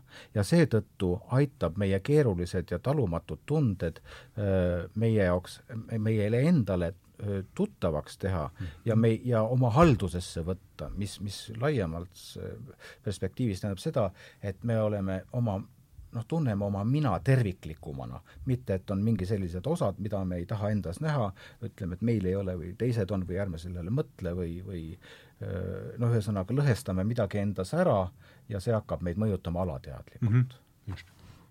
jah, see kõlab väga tuttavalt. tegelikult see on ka minu raamatu mõte, olla see teine inimene ja mm., ja samal ajal, kui sa ise oled selles protsessis, see nõuab väga palju julgust ja äh, Äh, tööd, äh, et sa lähed sellisesse nagu, äh, sellisesse protsessi, kus, kus see mõte hakkab jooksma, aga see nõuab, et sa oled ise teatud asjad läbi käinud enda elus mm, -hmm. oled uurinud neid asju, mis on näiteks, mida mina uurisin ka, et miks ma, miks mul tekkis selline posttraumaatiline stressihäire seal, kus ma tegelikult olin oma loominguse võitja ja miks eh, mingite inimeste eh, ütlemised või selline mm, mm, noh, selline pahatahtlikkus, et, et miks ma nii reageerisin ja, ja et uurida nagu seda, seda äh, oma teekonda ja, ja sealt, kust ma tulen. Ja, ja see on mul huvitav, ma olen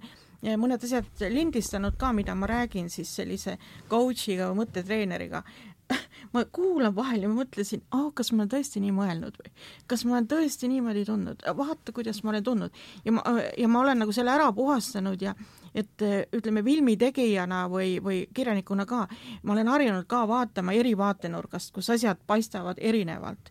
aga see endasse integreerida, et see, et teistele anda, see teine inimene, see, need sõnad, et kui Sveta Grigorjeva kirjutas Sirbis ja kirjutas, et, et ta kirjutas nagu väga, väga huvitavalt ja hästi, aga et, et siin on nii palju empaatiat, et, et nagu algul ehmatab ära. Ja siis ma mõtlesin, et väga huvitav, et tema on palju nooremas põlvkonnas ja, ja veel keegi kirjutas nii, ma arvan, kas jah, et, et tegelikult minu meelest, et ma tegin nagu seda ähm, teadlikult, aga mis mul veel nagu tuli, et see on nagu äh,, see on niisugune huvitav asi, et et see, mida ma vahendasin, ei olnud ainult töö endaga, vaid ma läksin oma lapsepõlve, kus oli minu vanaema Mm -hmm. ja, ja, ja, ja, ja see vanaema, kes oli tõesti tohutult palju kõiki asju üle elanud, küüditamised ja laste, laste Siberisse viimised ja, ja kõik nii edasi.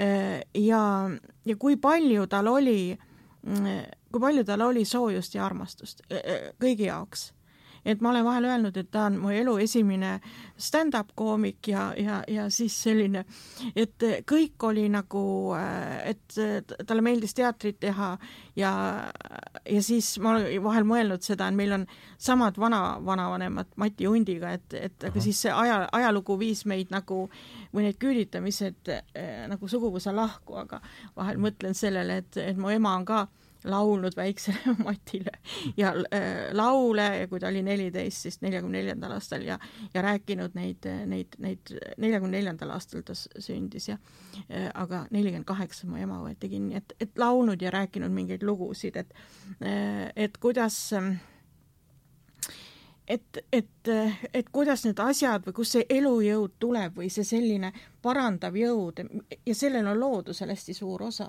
Mm.. loodus, kui ma siin kirjutan ka, et, et kui äh, keegi leiutaks sellise looduspsühhoteraapia, võib-olla on leiutanudki, aga äh, loodus ja, ja siis selle, selle, sellisele, sellised jumalikud hetked, et sellepärast ma ei tea, ongi terve narcissism ja just sa räägidki, nende terminid nagu on, aga see, see, ma ise nagu tajun seda, et, et anda teisele on, see on nagu ligimise armastuse akt ja enesearmastuse akt ka, mitte mm. nagu, et, et see on nagu pääs Google'i, vaid see on üks protsess äh,, äh, mida sa, et sa teed siin elus oma osa.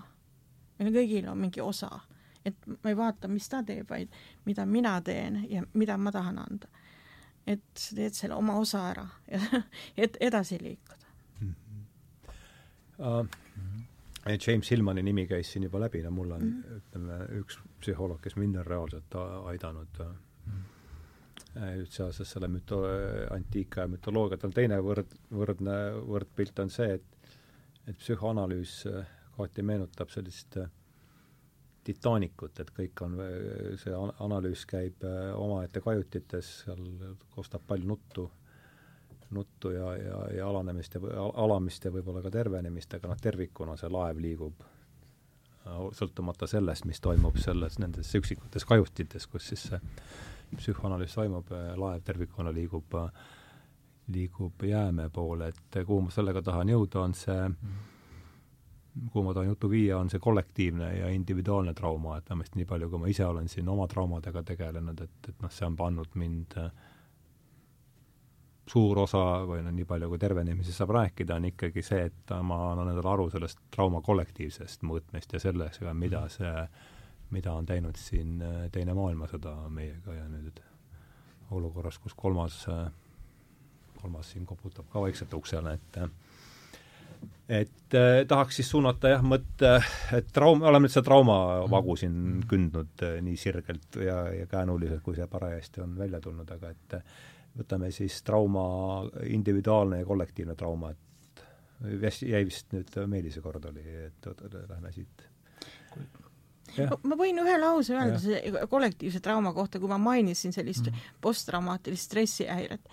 et üks äh, naaberriigi või Soome mm, minister, kellel olid Eesti juured, kui ta hakkas rääkima, et Eesti on ohver, aga mitte süütu ohver.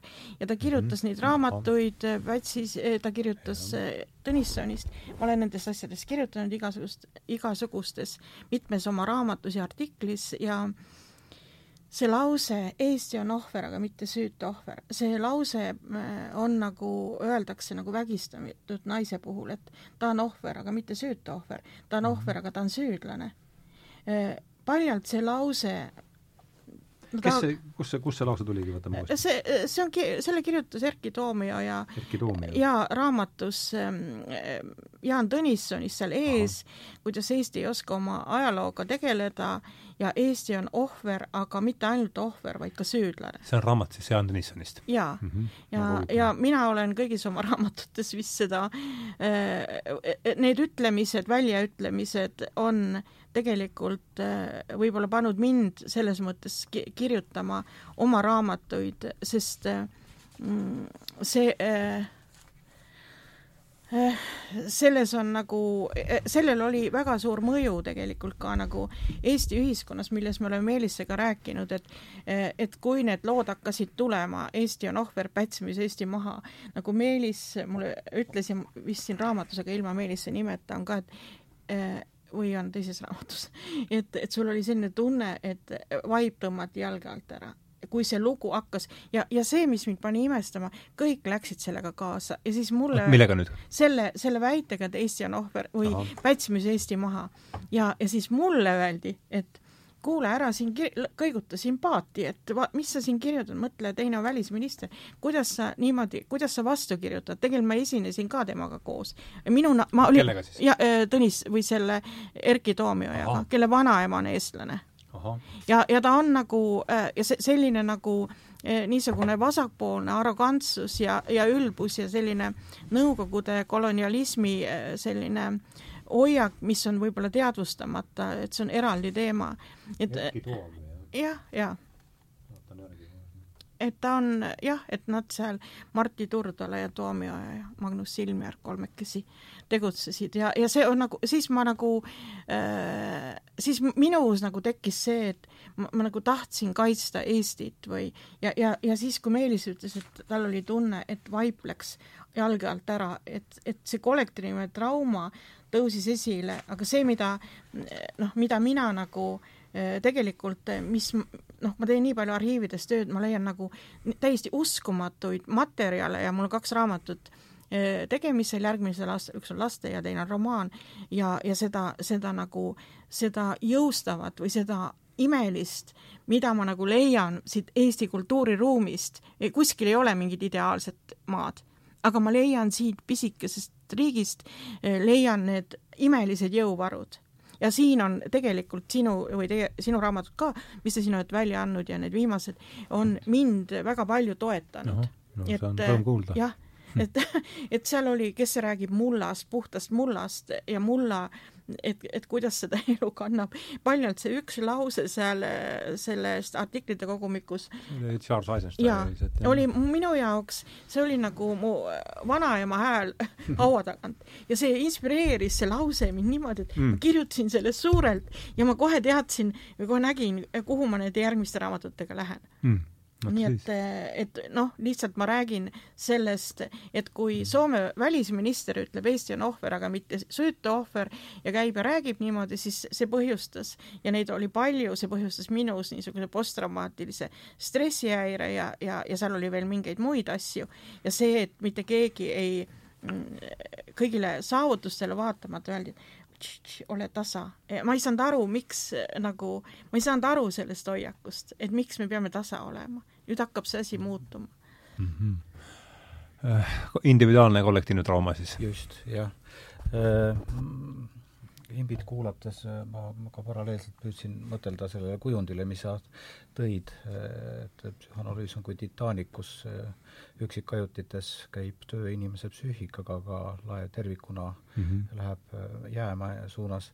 et mul tekkis nagu noh, mitu sellist nagu hüpoteetilist küsimust, et mille tõttu see inimene on võib-olla pettunud psühhanalüüsis või millised ootused tal on olnud psühhanalüüsile milles ta on siis kuidagi pettunud mm. -hmm. no ma nii, ega ma tast ju ka, noh, ei ma ikka üht-teist tean, no ma arvan, et seal on see, et äh, et mis on psühhoanalüüsi funktsioon, et üks see, et aidata tal kuidagi selle, selles ühiskonnas hakkama saada või et kohaneda selle ühiskonnaga, seal ilmselt see võrdpilt ütleb seda, et see ühiskond ise on aga vabandust, et ta äh, et noh, kaks vaadet psühhoanalüüsile, üks on jah, et mhm. aidata, aidata, aidata inimesel psüühikal selle ühiskondliku reaalsusega kohaneda, aga teine on see, et see ühiskondlik reaalsus on ise selline, millega kohanemine on juba selle haiguse põhjus ise, iseenesest, et äh, ma Just.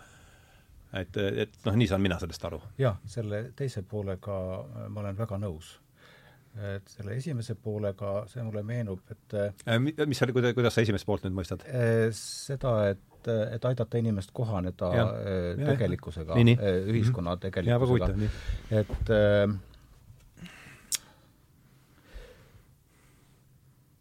oh ma mõtlen, kus ma peale hakkan, ma, ma vabandan ette, ma võin väga kaitseliseks muutuda ei, ei, ei, see ei olnud üldse rünna ja, ja aga või noh rünnakuna mõeldud üldse. ei, ma saan aru, et see ei ole rünnak, et aga lihtsalt see puudutab öö... lihtsalt ma tahan seda kollektiivse ja see on see tee, jah. ja, ja, ja ma ma, ma, ma saan aru, ma, ma, ma üritangi mitte vaielda, vaid, vaid, vaid mõtelda mm, -hmm. et äh, et kui, nagu ma olen aru saanud,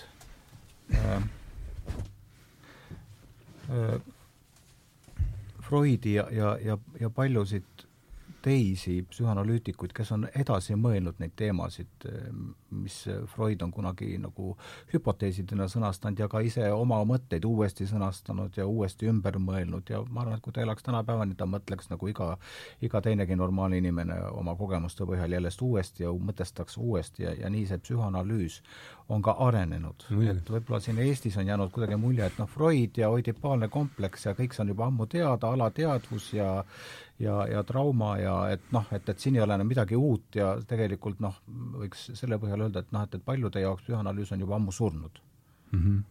ja täiesti noh, tõsiselt. kas kui teraapia, teraapia vorm või, või? Ma isegi võib-olla ei oska öelda, no, no üldiselt nagu inimese käsitlus, ma arvan, on mm, -hmm. on mhm. paljude jaoks inimese, inimese käsitlusena on noh, et see, kõik on teada, mida Freud ütles, aga mm, ma ütlen, et jälle aga, et äh, nagu ma ütlen, et, et see, see Eestisse siia ei paista välja, ma arvan, paljuski. ja eriti nagu kaasaegses mõtlemisviisis Äh, mis kas või meil siin üle, üle lahe Soomes on väga elav äh, psühhoanalüütiline mõtlemisviis ja see on noh, äh, seal on ka psühhoanalüüs elus ja psühhoanalüütiline teraapia just uuesti mõtestamise, inimkäsitluse kohandamine vastavalt sellele, mis mis ka teistes külgnevates teadusalades toimub ja, ja selle läbi inimest uuritakse ja, ja mõtestatakse et äh, et kui, kui ma tulen selle taaniku metafoori juurde, siis, siis noh, minu jaoks kõlab seal see pettumus, et et psühhoanalüüs ei ole suutnud ühiskonda aidata. pigem, jah, ma arvan küll jah, see, see noh, see on veel kord Hillmani mõte, mida ma, mida ma vahendan, jah. jaa, aga ei, neid kriitilisi mõtteid on ju väga palju ja noh, hästi lihtsustatud ja levinud nii-öelda noh, võib-olla isegi natuke tüüpiline vastus, aga sisukas on see, et et miks võib-olla äh, psühhoanalüüsis ollakse pettunud, et, et ta ei tee õnnelikuks Mm -hmm. et psühhoanalüüs mm -hmm. meetodina uurib inimese varjukülgi ja me koh-, me kohtume ja. inimese varjukülgedega, mida ta paremini noh, tahaks olematuks teha või, või, või lasta nii-öelda tinglikult psüühiliselt välja opereerida et mm -hmm. samas äh, siin minu arust noh, mis mind on inspireerinud ja järjest rohkem nendes sõdade olukordades äh, tuleb meelde Melania Kleini mõte, et, et, et inimkond on ta, ta, ta rääkis sellest kolme, tuhande üheksasaja kolmekümnendatel, et inimkond on läbi kukkunud äh, inimkonna parandamisel.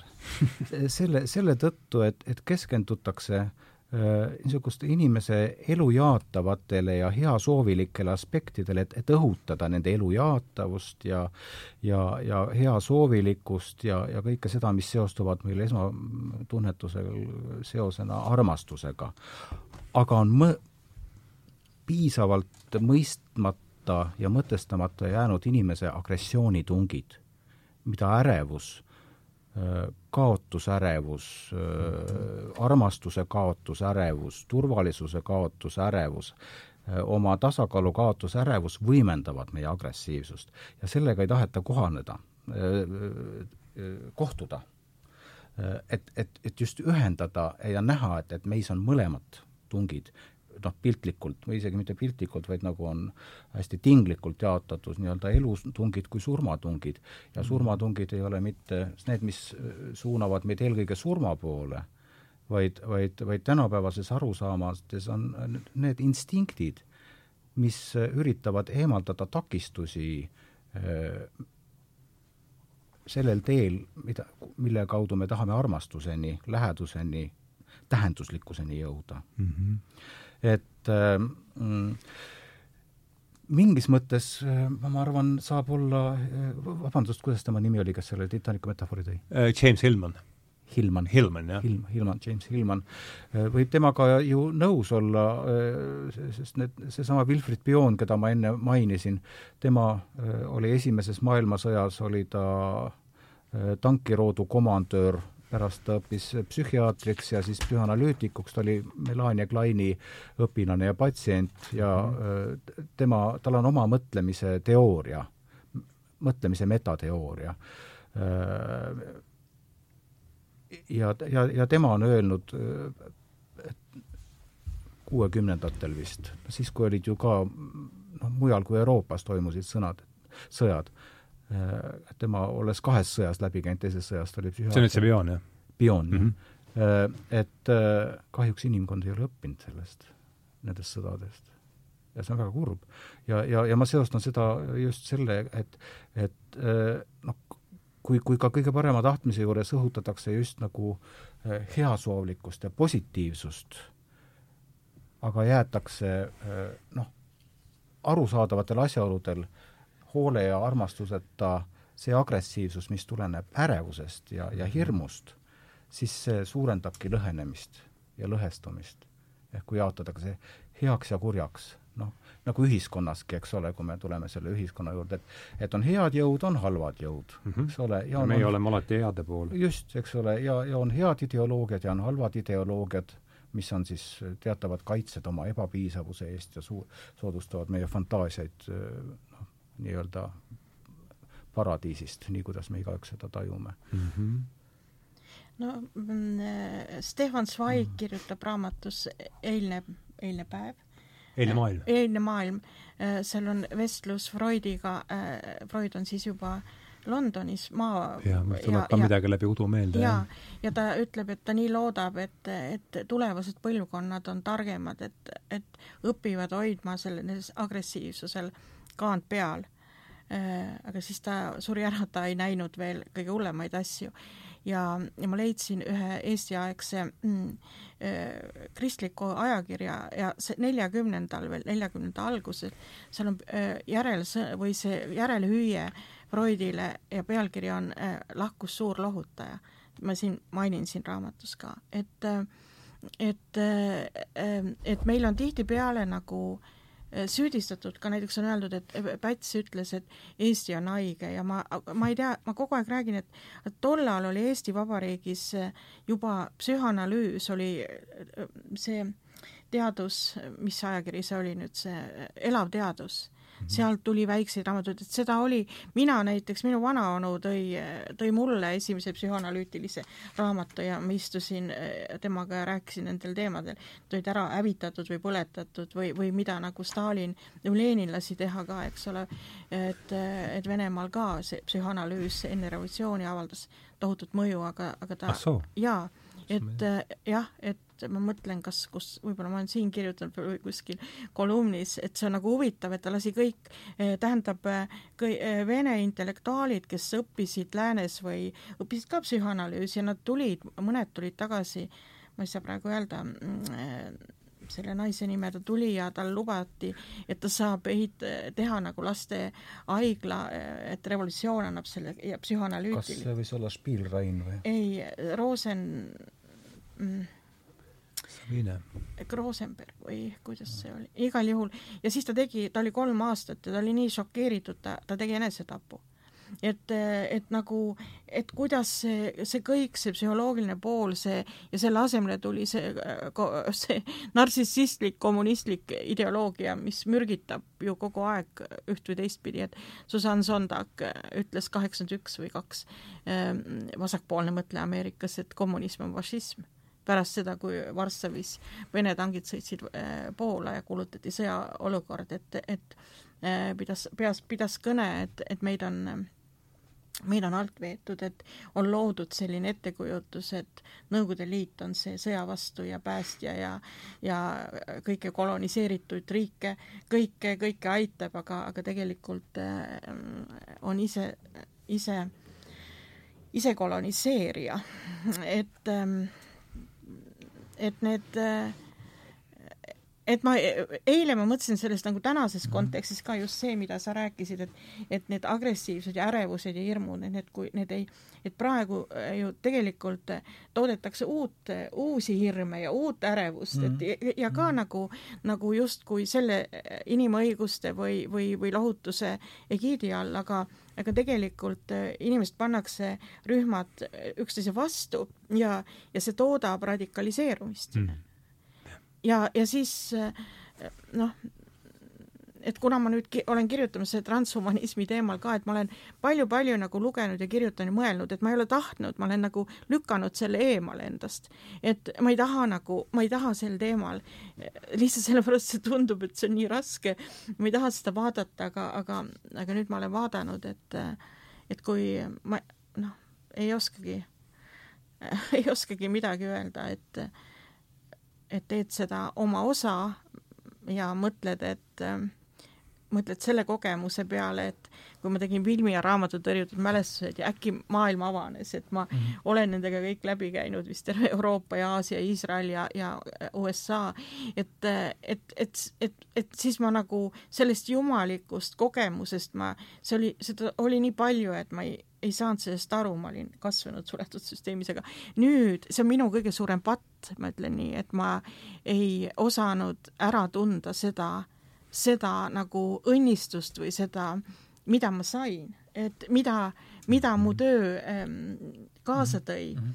-hmm. et, et just tihti kuulates ähm, Arvo Pärti ja vaadata tema teekonda ja tema sõnastust, ähm, et see mind hästi palju nagu aitab, et et õppida nendest vastuoludest ja anda endale armu ja, ja see on nagu mitte, ma ei oskagi seda, kas see on nagu terve narcissism, aga see on selline jumalikkuse ja armu tunnetus.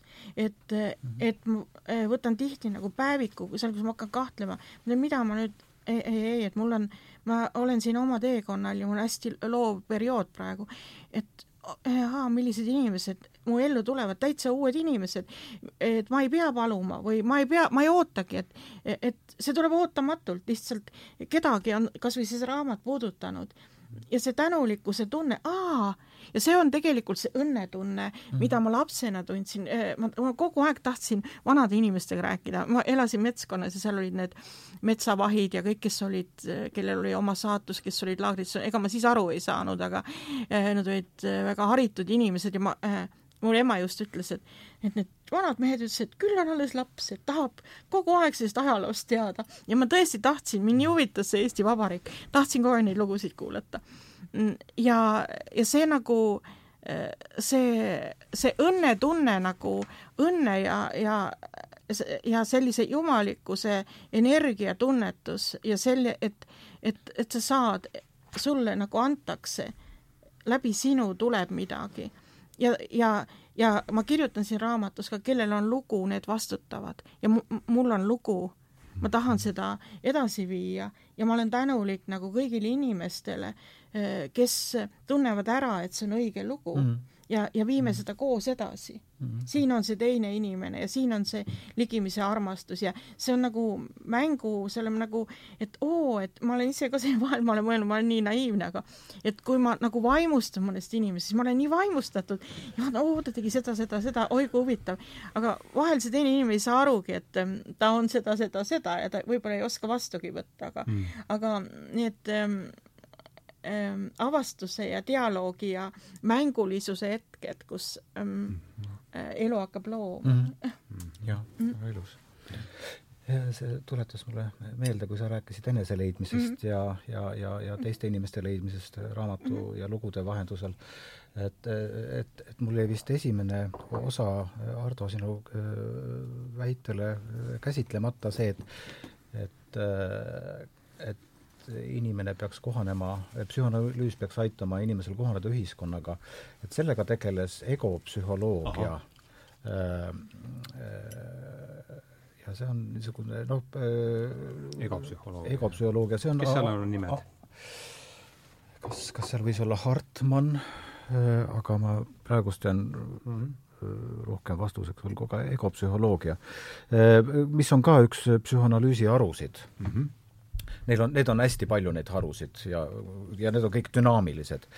et aga et ma tulen selle juurde tagasi, mille et, et see et, et selle suund oli aidata inimesel kohaneda ühiskonnaga. Ja minu hea kolleeg ja õpetaja ja sõber Ants Parktal hiljuti ütles, et jumal tänatud, et meil Nõukogude ajal ei olnud psühhoanalüüsi sest ego yeah. psühhoanalüüs, see oleks aidanud seda ühiskonnaga kohaneda ja yeah. see oleks väga jube. et, et see ei ole see psüh-, just, et see, see ei ole psühhoanalüüsi eesmärk yeah. inimest kohandada ühiskonnaga äh, on, on, on eesmärk aidata inimesel ennast leida, oma mm -hmm. mina tugevdada, oma erinevaid äh, instinkti ja nende vajadustele sobivaid rahuldusviise eh, leida, mentaalselt eh, nende üle mõelda, ehk, ehk siis leida eelkõige ennast ja leida oma koht ühiskonnas, mitte kohaneda ühiskonnaga. see, see on see, see, mida ka Impi oma sõnadega rääkis. ja, ja ma arvan, et, et, et eh, et, et see on see suund ja see joond, mis, mis on ka psühhoanalüüsi elus hoidnud.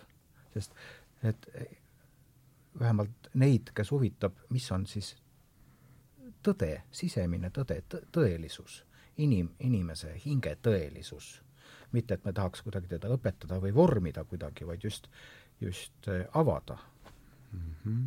ja, ja seostada endas mida ja. me siin just teemegi. ja no just, jah. vähemalt, vähemalt püüame. püüame teha. nii palju, kui jalad võtavad äh, kena, aga meil on siin jäänud veel pool, pool tundi joosta koos, et äh, hakka mõtlema, kuidas see, kuidas see jutuajamine siis nüüd, et selle saab nüüd ka siis poole tunni pärast joon alla. ma tõmbasin siin joone alla sellel leheküljel agressiivsus, mis tuleneb ärevusest ja hirmust, et äh, Imbi, nagu sa tead, meil on järgmine leht on siis transhumanismis inimesest mm -hmm. tema piirides, kus sa oled lubanud kirjutada. aga novembri number ongi hirmust. Et järsku hakkaks juba, ühendaks meeldiva kasulikuga, et äh, -hmm. ma viskan õhku selle sõna ja võib-olla alustuseks, et ma mõtlesin, et kui noh, äh, noh, jah, selleks pole vaja päevauudiseid lugeda, et aru saada, kus me, kus me oleme oma asjadega praegu ja mis need mis need riskid ja, ja kõik see siin on, et aga et et sellises olukorras, kui siin üldse midagi teha, sest võib-olla kui kui me võtaksime koos ette A4 ja, ja üritaksime kirja panna, et mis see on, mida me tegelikult äh, kardame, et see võiks olla, ei, ei, ei tohi, ma arvan, et see ei ole, ei oleks päris hal-, kõige halvem algus selle, selle, selle pusa, pusa arutamisel ja see, see mõte, mis mind sinna viis, et noh, teinekord ikka mõtlen, tavan, et ma kardan midagi, aga siis ma mõtlen, et mm -hmm. ahah, et kui ma seda ei kardaks, et noh, siis ma tõenäoliselt kardaksin midagi muud. ja et siis on see järgmine, ongi see järgmine küsimus, aga mis see siis on, mida ma siis äh,, mis see siis on, mida ma tegelikult kardan, et äh, et ega ma ei, ei tahagi seda küsimust äh, täpsemalt väga formuleerida, et viskan siit palli välja, hirm mm -hmm. on tal ka siis ka pragmaatiline eesmärk, kolmekümne kuues leht on, on, on hirmust mm. -hmm ja noh, rääkisin oma sellise väikse, väikse lookese siia alla, et kui nüüd kuulaks hea meelega teie omasid no ma olen Sofi Oksaneniga kaks tuhat üheksa eh, koostanud raamatu mm -hmm. Kõige taga oli hirm Just. ja, ja see hirmu teema on tõesti hämmastav ähm, ja väga oluline, hirm ja ärevus ja mm -hmm. seda tuleb praegu väga palju oh, ja ja eriti noortel ja ma ähm,, mul on kuu aja jooksul nagu kaks no, noort inimest teinud enesetapu, üks on oh.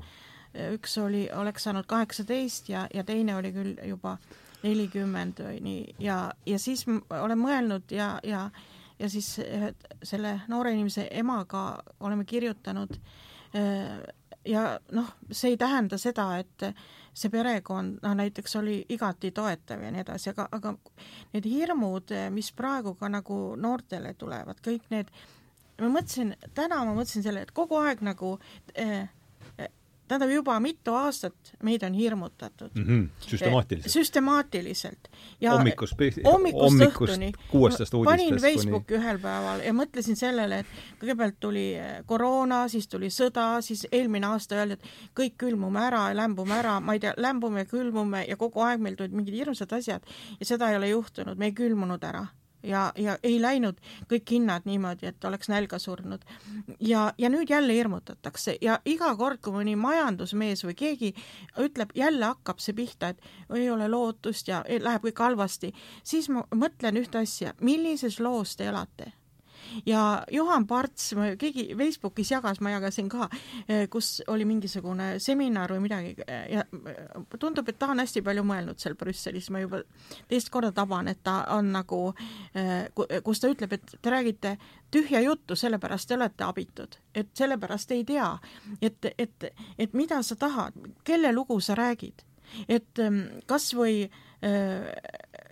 selge on see, et meie kliimaga on midagi lahti, aga aga kui tulevad näiteks eh, kui see, kui see tekib, see hirm ja see hirmutamine noorte seas ka, et eh, ja samal ajal äh, no võib-olla Soomes ma nägin seda rohkem, inim-, noored tulid tänavale ja kõik nii edasi, aga, aga samal ajal ei tunta taimi, ei tunta liike, ei olda suhtes. ainus sõna, mida teatakse, ongi kliima. jaa, ei ole, seda suhet ei ole ja siin raamatus äh, ma tsiteerin ka, kuidas Gustav, Gustav Vilbaste kolmekümnendatel käis ta maapiirkondades ja intervjueeris inimesi ja inimesed tundsid vähemalt saja taime nime peast, neil oli suhe. just ja, ja see noh, see suhe loodusega, ma olen ise kasvanud ka nagu metskonnas ja isa oli metsavanem, tegi terve elu ka looduskaitsetööd ja, ja need sugulased, kes mul on, nemad samamoodi. et, et, et see, mida, mida me ei tee, me nagu ei kasvata, me ei armasta. just ja, ja siis selle asemel me hirmutame ja kui ma mõtlen, ma mäletan lapsena, et kunagi oli mingi selline tuumasõja oht või ma ei tea, või mm. Hiinaga mingi konflikt ja ma mäletan, kui kohutav hirm mul tuli. aga tänapäeva lapsed elavad kogu aeg nagu selles ahistuses ja hirmus ja ärevuses, sa pead tohutult sooritama, siis sul on nagu see sooga ka seoses eh, ka nagu öeldakse, et oh, sa võid valida jah, väga tore, ma eile huvi pärast, on teatud teemad, ma ei ole jõudnud lihtsalt käsitleda. ja siis ma kirjutasin välja, et näiteks kui laps hakkab äh, sugu muutma, ja seal oli vähemalt nagu kümme erinevat arsti, kümme erinevat psühholoogid, anestesioloogid, äh, kõik need äh, plastikakirurgiad, kõik hormoonidega, ma lugesin, ma mõtlesin, ma minestan ära, et kui see, kui sa nagu ja, ja kõik see, ka see nagu see robotite tootmine, tehisintellekt, et tähendab, see tekitab ka endas, tähendab, mul isiklikult on nagu kaks asja, et see tekitab hirmu ja see tekitab muret, kuidas lapsed hakkama saavad ku-, kuidas nad saavad ja siis öeldakse, see on progress mm, -hmm. nii nagu praegu on kõik, kõik nagu, et likvideerime ära raamatukogud ja väiksed koolid ja kõik see on areng. Ja see ei ole noh, eh, nagu ütleme, kuna ma olen nagu üles kasvanud kõik selle metsanduse ja, ja sellises, siis öeldi likvideerime metskonnad ja kõik nii edasi. ja tegelikult ei ole ju asjad edasi läinud, et on ju äh, on ju Titanic on edasi sõitnud. ja, ja, et ähm, ja mitu miili. ja siis ma mõtlen, et, et mina nagu siin üksikinimesena, et mida ma võiksin veel teha, kas ma võiksin midagi teha, kas ma muretsen hommikust õhtuni ja räägin sõpradele, kuidas ma kardan, sest äh, noh, ma pidin nüüd otsa vaatama nendele teemadele ka tänu sellele, et ma pean transhumanismist kirjutama, ma uurisin nüüd neid asju, kuidas ja, ja noh, et natukene selgust saada ja siis mõtlesin, et aga ma olen siin üks väike täpp, aga, aga mul on üks väga-väga hea lasteraamatu projekt, ma olen kaevanud selle välja, fantastilisi asju Eesti enda kultuuriloost ja ma teen selle, ma teen selle ühe, ma teen selle niimoodi, et võib-olla siis keegi teine tahab ka lugeda, milline vägev maa meil on olnud just sellest rohelisest mõtlemise kaudu mm. -hmm ja, ja mulle ja, ja tõesti, ma ütlen, et Jumal juhatab, et ja siis on inimesed toonud mulle ka nagu seda oma isiklikke arhiive ja Kristjan Port tõi mulle oma, oma vanaema ja vanaisa arhiive. vanaisa oli tal iluaedade, kooliaedade looja ja milline filosoofia sealt tuleb. no ei saa muud, kui kirjuta lastele, eks, raamat. et, et sa teed selle oma osa ja kui me kõik julgustame üksteist oma osa tegema, mitte see, et me räägime, meil on kliima ja no okei okay,, jah, kliimapoliitika, mis see on mm. -hmm. mida see tähendab yeah.? kui sa ei armasta seda taime yeah., kui sa ei armasta seda puud, kui sa ei armasta seda putukat ja, ja liike ja nii edasi. siis pead armastama kliimat, aga see on keeruline. jah, see on keeruline. ja, ja eks seal on hirmutamisega lihtsam mm -hmm. asja. absoluutselt. siit on nagu hea üle minna, et hirmutada kliimaga ja kuidas sa saad armastada kliimat, mis on nii äh, ebakindel ja, ja abstraktne hakatuseks. abstraktne ja, ja, ja vaata, et nagu noh, selliseks halvaks objektiks muutuvaks mm, -hmm. eks ole, jah, just, et, et et noh, ma kujutan ette tegelikult, et me saaksime armastada ka abstraktset kliimat, ma arvan, et see on suur spekulatsioon, et need, need teadlased, kes tõsimeeli uurivad kliimat, nemad võib-olla armastavad kliimat et no see on nende jaoks mingi selline uudishimuli, uudishimu objekt mm, -hmm. eks ole. aga kui me tuleme nüüd hirmutamise juurde tagasi, et, et ma arvan, et, et see on noh, nagu hetkel praegust improviseerides, et see on äh, erinev, kas äh, hirmutatakse teadlikult nagu noh, manipuleerides ja, ja väga noh, kavandades ja pahatahtlikult või noh, soovides äh, inimesi kontrollida, olgu see siis kultuuris või või, või, või väiksemates kooslustes, see on, see on erinev kui see, kui keegi hirmutab oma hirmuga. jah eks ole, et keegi on hirmunud ja, ja, ja me reageerime sellele hirmule. manipuleeriv ja siis nakkav hirm. Mhm. jah, et, et, et see noh, kui sa ütlesid nakkav hirm, et siis see on, see on see, mis vajab jällegi hoidmist mm. -hmm. eks ole, et, et muidu nagu entroopia puhul hirm kipub ka levima, kui, kui seda ei mõisteta, kui seda ei suudeta käsitleda äh, üksikinimese äh, noh, probleemina või, või, või üksikinimese hädana äh,, vaevusena et kui inimene on pidevalt ärev või, või et, et, et mhm. see, see vajab hoidmist, mitte tühistamist või rahustamist ratsionaalselt äh, hoidmist nüüd, kas äh, tundub huvitav koht olevat, et mis sa mm -hmm. mõtled, mis sa mõtled selle all? just, väga hea küsimus. see on äh, üks äh, psühhanalüüsi ka üks noh, raudvara ja, ja klassikaline termin Donald Winnicottilt. Donald Winnicott, ah, seda ma tean, jah. ma olen kuulnud. jaa, et äh, äh, kaks siis V-ga või mm? -hmm. just jah, Winni kahe N-iga ja lõpus kaks T-d mm. -hmm. Äh. Eks see hoidmine tähendab te, tema mõistes äh, et ema ülesanne on last, lapse olemist öö, öö, olemisel lasta kesta mm. -hmm ja, ja see tähendab seda, et, et vaatamata nendele tunnetele, mis lapsel on, et kui, kui noh, erinevas vanuses, eks ole, see on erinev, ma praegust räägin seda rohkem nagu kujundina, mis, mil noh, millel on noh, ütleme väga praktiline väärtus, aga erinevas vanuses laste puhul erineval ja, ja meis kõigis on need lapsed alles, kes vajavad mingil moel öö, öö, hoidmist, kas raamatute või, või sõprusena või, või, või tunnustusena, no sisulise tunnustusena. ja mida see sisuliselt tähendab, et, et kui, kui laps on hirmunud, siis mitte ei hakka tähelepanu kõrvale juhtima või ei pahanda temaga, et mis sa selle tühja asja pärast nüüd. siin ja. ei ole ju midagi, vaid seal sisimas on ikkagi mingisugune ärevus, kas kaotada äh, oma terviklikkus, oma, oma tähendus, turvalisus, et, et hirm on väärtuslik tunne, mida hoida ja aidata taluda. Kui, kui seda pidevalt eitatakse või tühistatakse või sellele ei pöörata tähelepanu, siis kujuneb välja äh, selline mina, kes ei talu hirmu ega ärevust. lükatakse ära sinna kuhugi alateadvusse Just, ja hakkab seal siis, oma elu elama. või siis äh, inimene ongi konstantselt ärev mm. -hmm. mida, mida mingis mõttes võib-olla äh, kirjeldab see selline nagu väljend nagu, nagu hästi tundlikud inimesed, kes pidevalt on ärevuses. aga äh, äh võib-olla siis just nagu sellises haavatud ärevuses, et, et ta ei erista turvalisi ja ebaturvalisi objekte, vaid kui, mis on võõras, see tundub kohe ebaturvaline mm. -hmm et kui me räägime hirmust, et hirm on midagi konkreetset, mida inimene kardab, aga nagu sa oma küsimusega hakkasidki juba minu arusaamist järgi nagu assotsieerima, nagu psühhanalüüsis ka et mhm. kui te mõtlete hirmule, mis teile pähe tuleb mm -hmm, ja, ja, ja, ja palun jätkake ja aha, seda ja, ja nii, et siis, siis jõutakse ärevuseni ja, ja see, mis, mis tõeliselt inimest painab. ja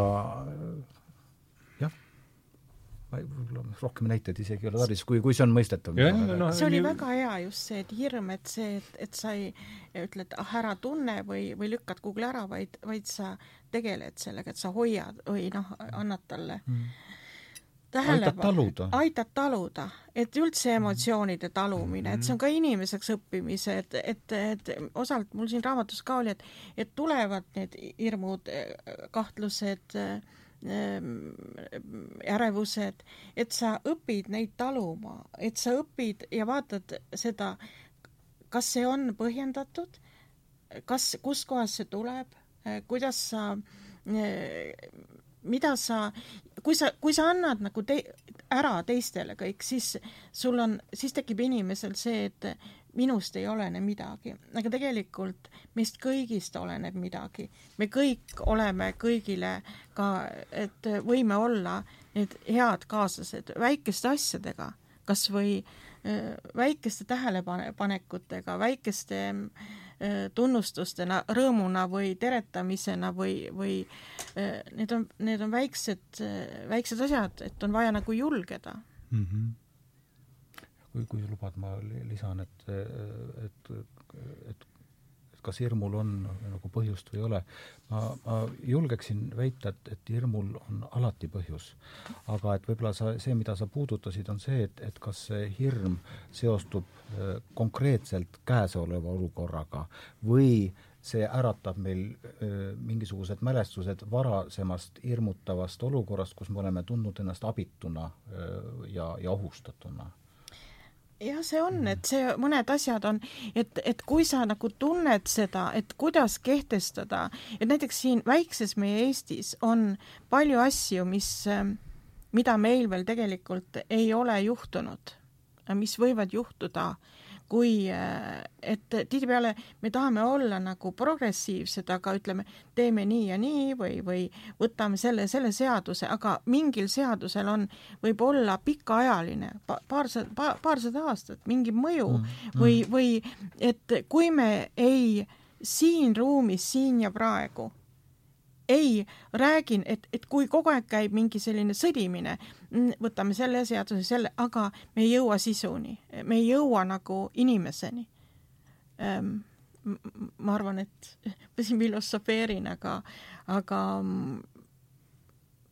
no selleks me siia kokku tulime. jaa, et jah, kui ma õieti aru saan, sa ütled, et, et äh, seadused võivad reguleerida mingisuguseid protsesse, aga ei, ei pöörata piisavalt tähelepanu, kuidas see mõjutab üksikinimese elu, igapäevaelu mm, -hmm. milles me elame.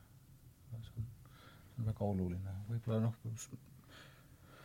seda ongi väga keeruline, aga, aga samas ka väga vajalik ikkagi tähele panna. seda on, sellepärast et kui on näiteks, mida ma olen mõelnud, mida, mis peaks nagu läbi arutama, kas või ütleme, kõik selle infotehnoloogia mõjud või, või, või, või kuidas või äh, ütleme kas või, kui me läheme inimese juurde ja, ja, ja kas või laste juurde, et et, et see in, äh, laste ja täiskasvanute vaheline usaldus, et, et kui äh, nagu Soomes see võib olla hea või, aga ma olen näinud, et see võib ka halb olla, et et kui vanemal ei ole nagu õigust lapse haigusloole, et kui ainult vanem annab, laps annab selle loa, ja siis see võib olla hea, võib-olla vanem ei taha, et sellega tegeleda, aga aga see võib olla ka halb, kui, kui nagu mingid ametnikud või mingid tegelased tegelevad sinu lapsega, kes on puberteedieas ja sul ei ole õigus kaasa rääkida ja kui sa tahad rääkida, siis kutsutakse lastekaitse. ja lihtsalt, et siin on nagu see inimese seal tundub seda hea uue ilma touch'i natukene ja, olevat küll ja. sees selles asjas. ja siis ma nagu küll muretsen, mõtlen noorte inimeste peale, mõtlen nagu ähm, ma ei ole kõiges nagu, kõiges nii, et, et, et kuidas see inimese kasvamine kujunemine on, et me peaks üldse sellest palju rohkem rääkima, lapsest ka kui väiksest inimesest, kui sellest imest, eh, kes kujuneb, kellel on, eh, see on ju meie nagu mingi selline, eh, selline nagu imeline, imeline kogu seda protsessi vaadata kuidas me ise, millise, milliseid dialoog loome ja, ja, ja, ja niisugustes ähm, et äh, nii võib psühhiaatria ja, ja, ja psühhoanalüüs ja kõik kaotada oma mõtte, kui äh, ma ei tea, kuhu me selles oma kultuuriloos oleme äh, nüüd liikumas, kuhu suunas. et, et selles mõttes paljud asjad on, see, et me räägime siin nii, on, on veel noh, päris, päris hea, aga, aga ühiskond või meie siin Euroopa või läänemaailm esitab ka selliseid väljakutseid, mis, ähm, mis muutuvad, kõik, mis muutub ideoloogiaks ja tabuks, et ähm, näiteks mina võib-olla olen esimene, kes tõesti ka läbis soo-uurimus või selle ülikoolis selle kursuse. aga ma võtsin sealt töövahendid, aga siis, kui mõned asjad muutusid nagu äh, noh, selliseks nagu, nagu äh, et asjad nii ongi. ideoloogiline dogma vist. ja dogmas, mitte tabu, vaid dogma, ma tahtsin öelda. siis ma ei saanud seda enam vastu võtta. et siis, kui see vabadus hakkas nagu nagu see, nagu mingi selline kontroll tuli, et sa pead nii mõtlema mm. et siis sa ei saa seda enam nagu, kui me ei tohi enam rääkida mingitel teemadel äh,, arutada, võtta nii, nagu me praegu arutame, aga see oht on olemas, see ei ole ainult, et see, et ma kirjutasin praegu äh, eessõna. Äh, järgmine aasta tuleb välja Gulagi arhipelaag uuesti Aha. ja Postimehe kirjastuses ja, ja kolme raamatuna ja ma kirju-, mina olin üks eessõna kirjutaja, selline kuuskümmend tuhat tähemärki, kolmkümmend viis lehekülge. ja, ja siis äh, Eerik-Niiles Kross ja Mart Laar on järgmised siis ees, või nemad on oma eessõnad kirjutanud. ja ma kirjutasin sinna sisse sellise lause, et või mõtte, et ma ei ole ei vasak- ega parempoolne ja ma toetusin Margaret Atwoodile mm., kes on pidanud samadele küsimustele vastama. et kirjanik ei pea valima ideoloogilisi pooli, kuhu tihtipeale sunnit-, räägitakse, ta on parempoolne vasakpoolne, täna, nüüd on juba uued, räägitakse fašist või jumal teab mis. ja ma pidin kirjutama ja toetuma Margaret Atwoodile, et keegi ei ütleks, aga ta on see või see. Sest minu küsimus, see, mis mina mõtestan või avan, on see kirjaniku küsimus, miks ja kui me ei tohi enam küsida, miks, siis tekib radikaliseerumine ja rühmad lähevad üksteise vastu, sest ja. me ei, ei räägi nendest. jah, ma olen sellega täiesti nõus. Meelis, midagi lisada praegu? jah, et äh, kui ma kuulan, et, et see kuidagi noh, tekib siin natuke filosoofiline mõte, et mm, -hmm. et äh, kui äh, äh, mõtlemine muutub ohtlikuks, tekib hirm mõelda ja, ja mõtlemine on siis noh, minu saamiste järgi tähenduse otsimine.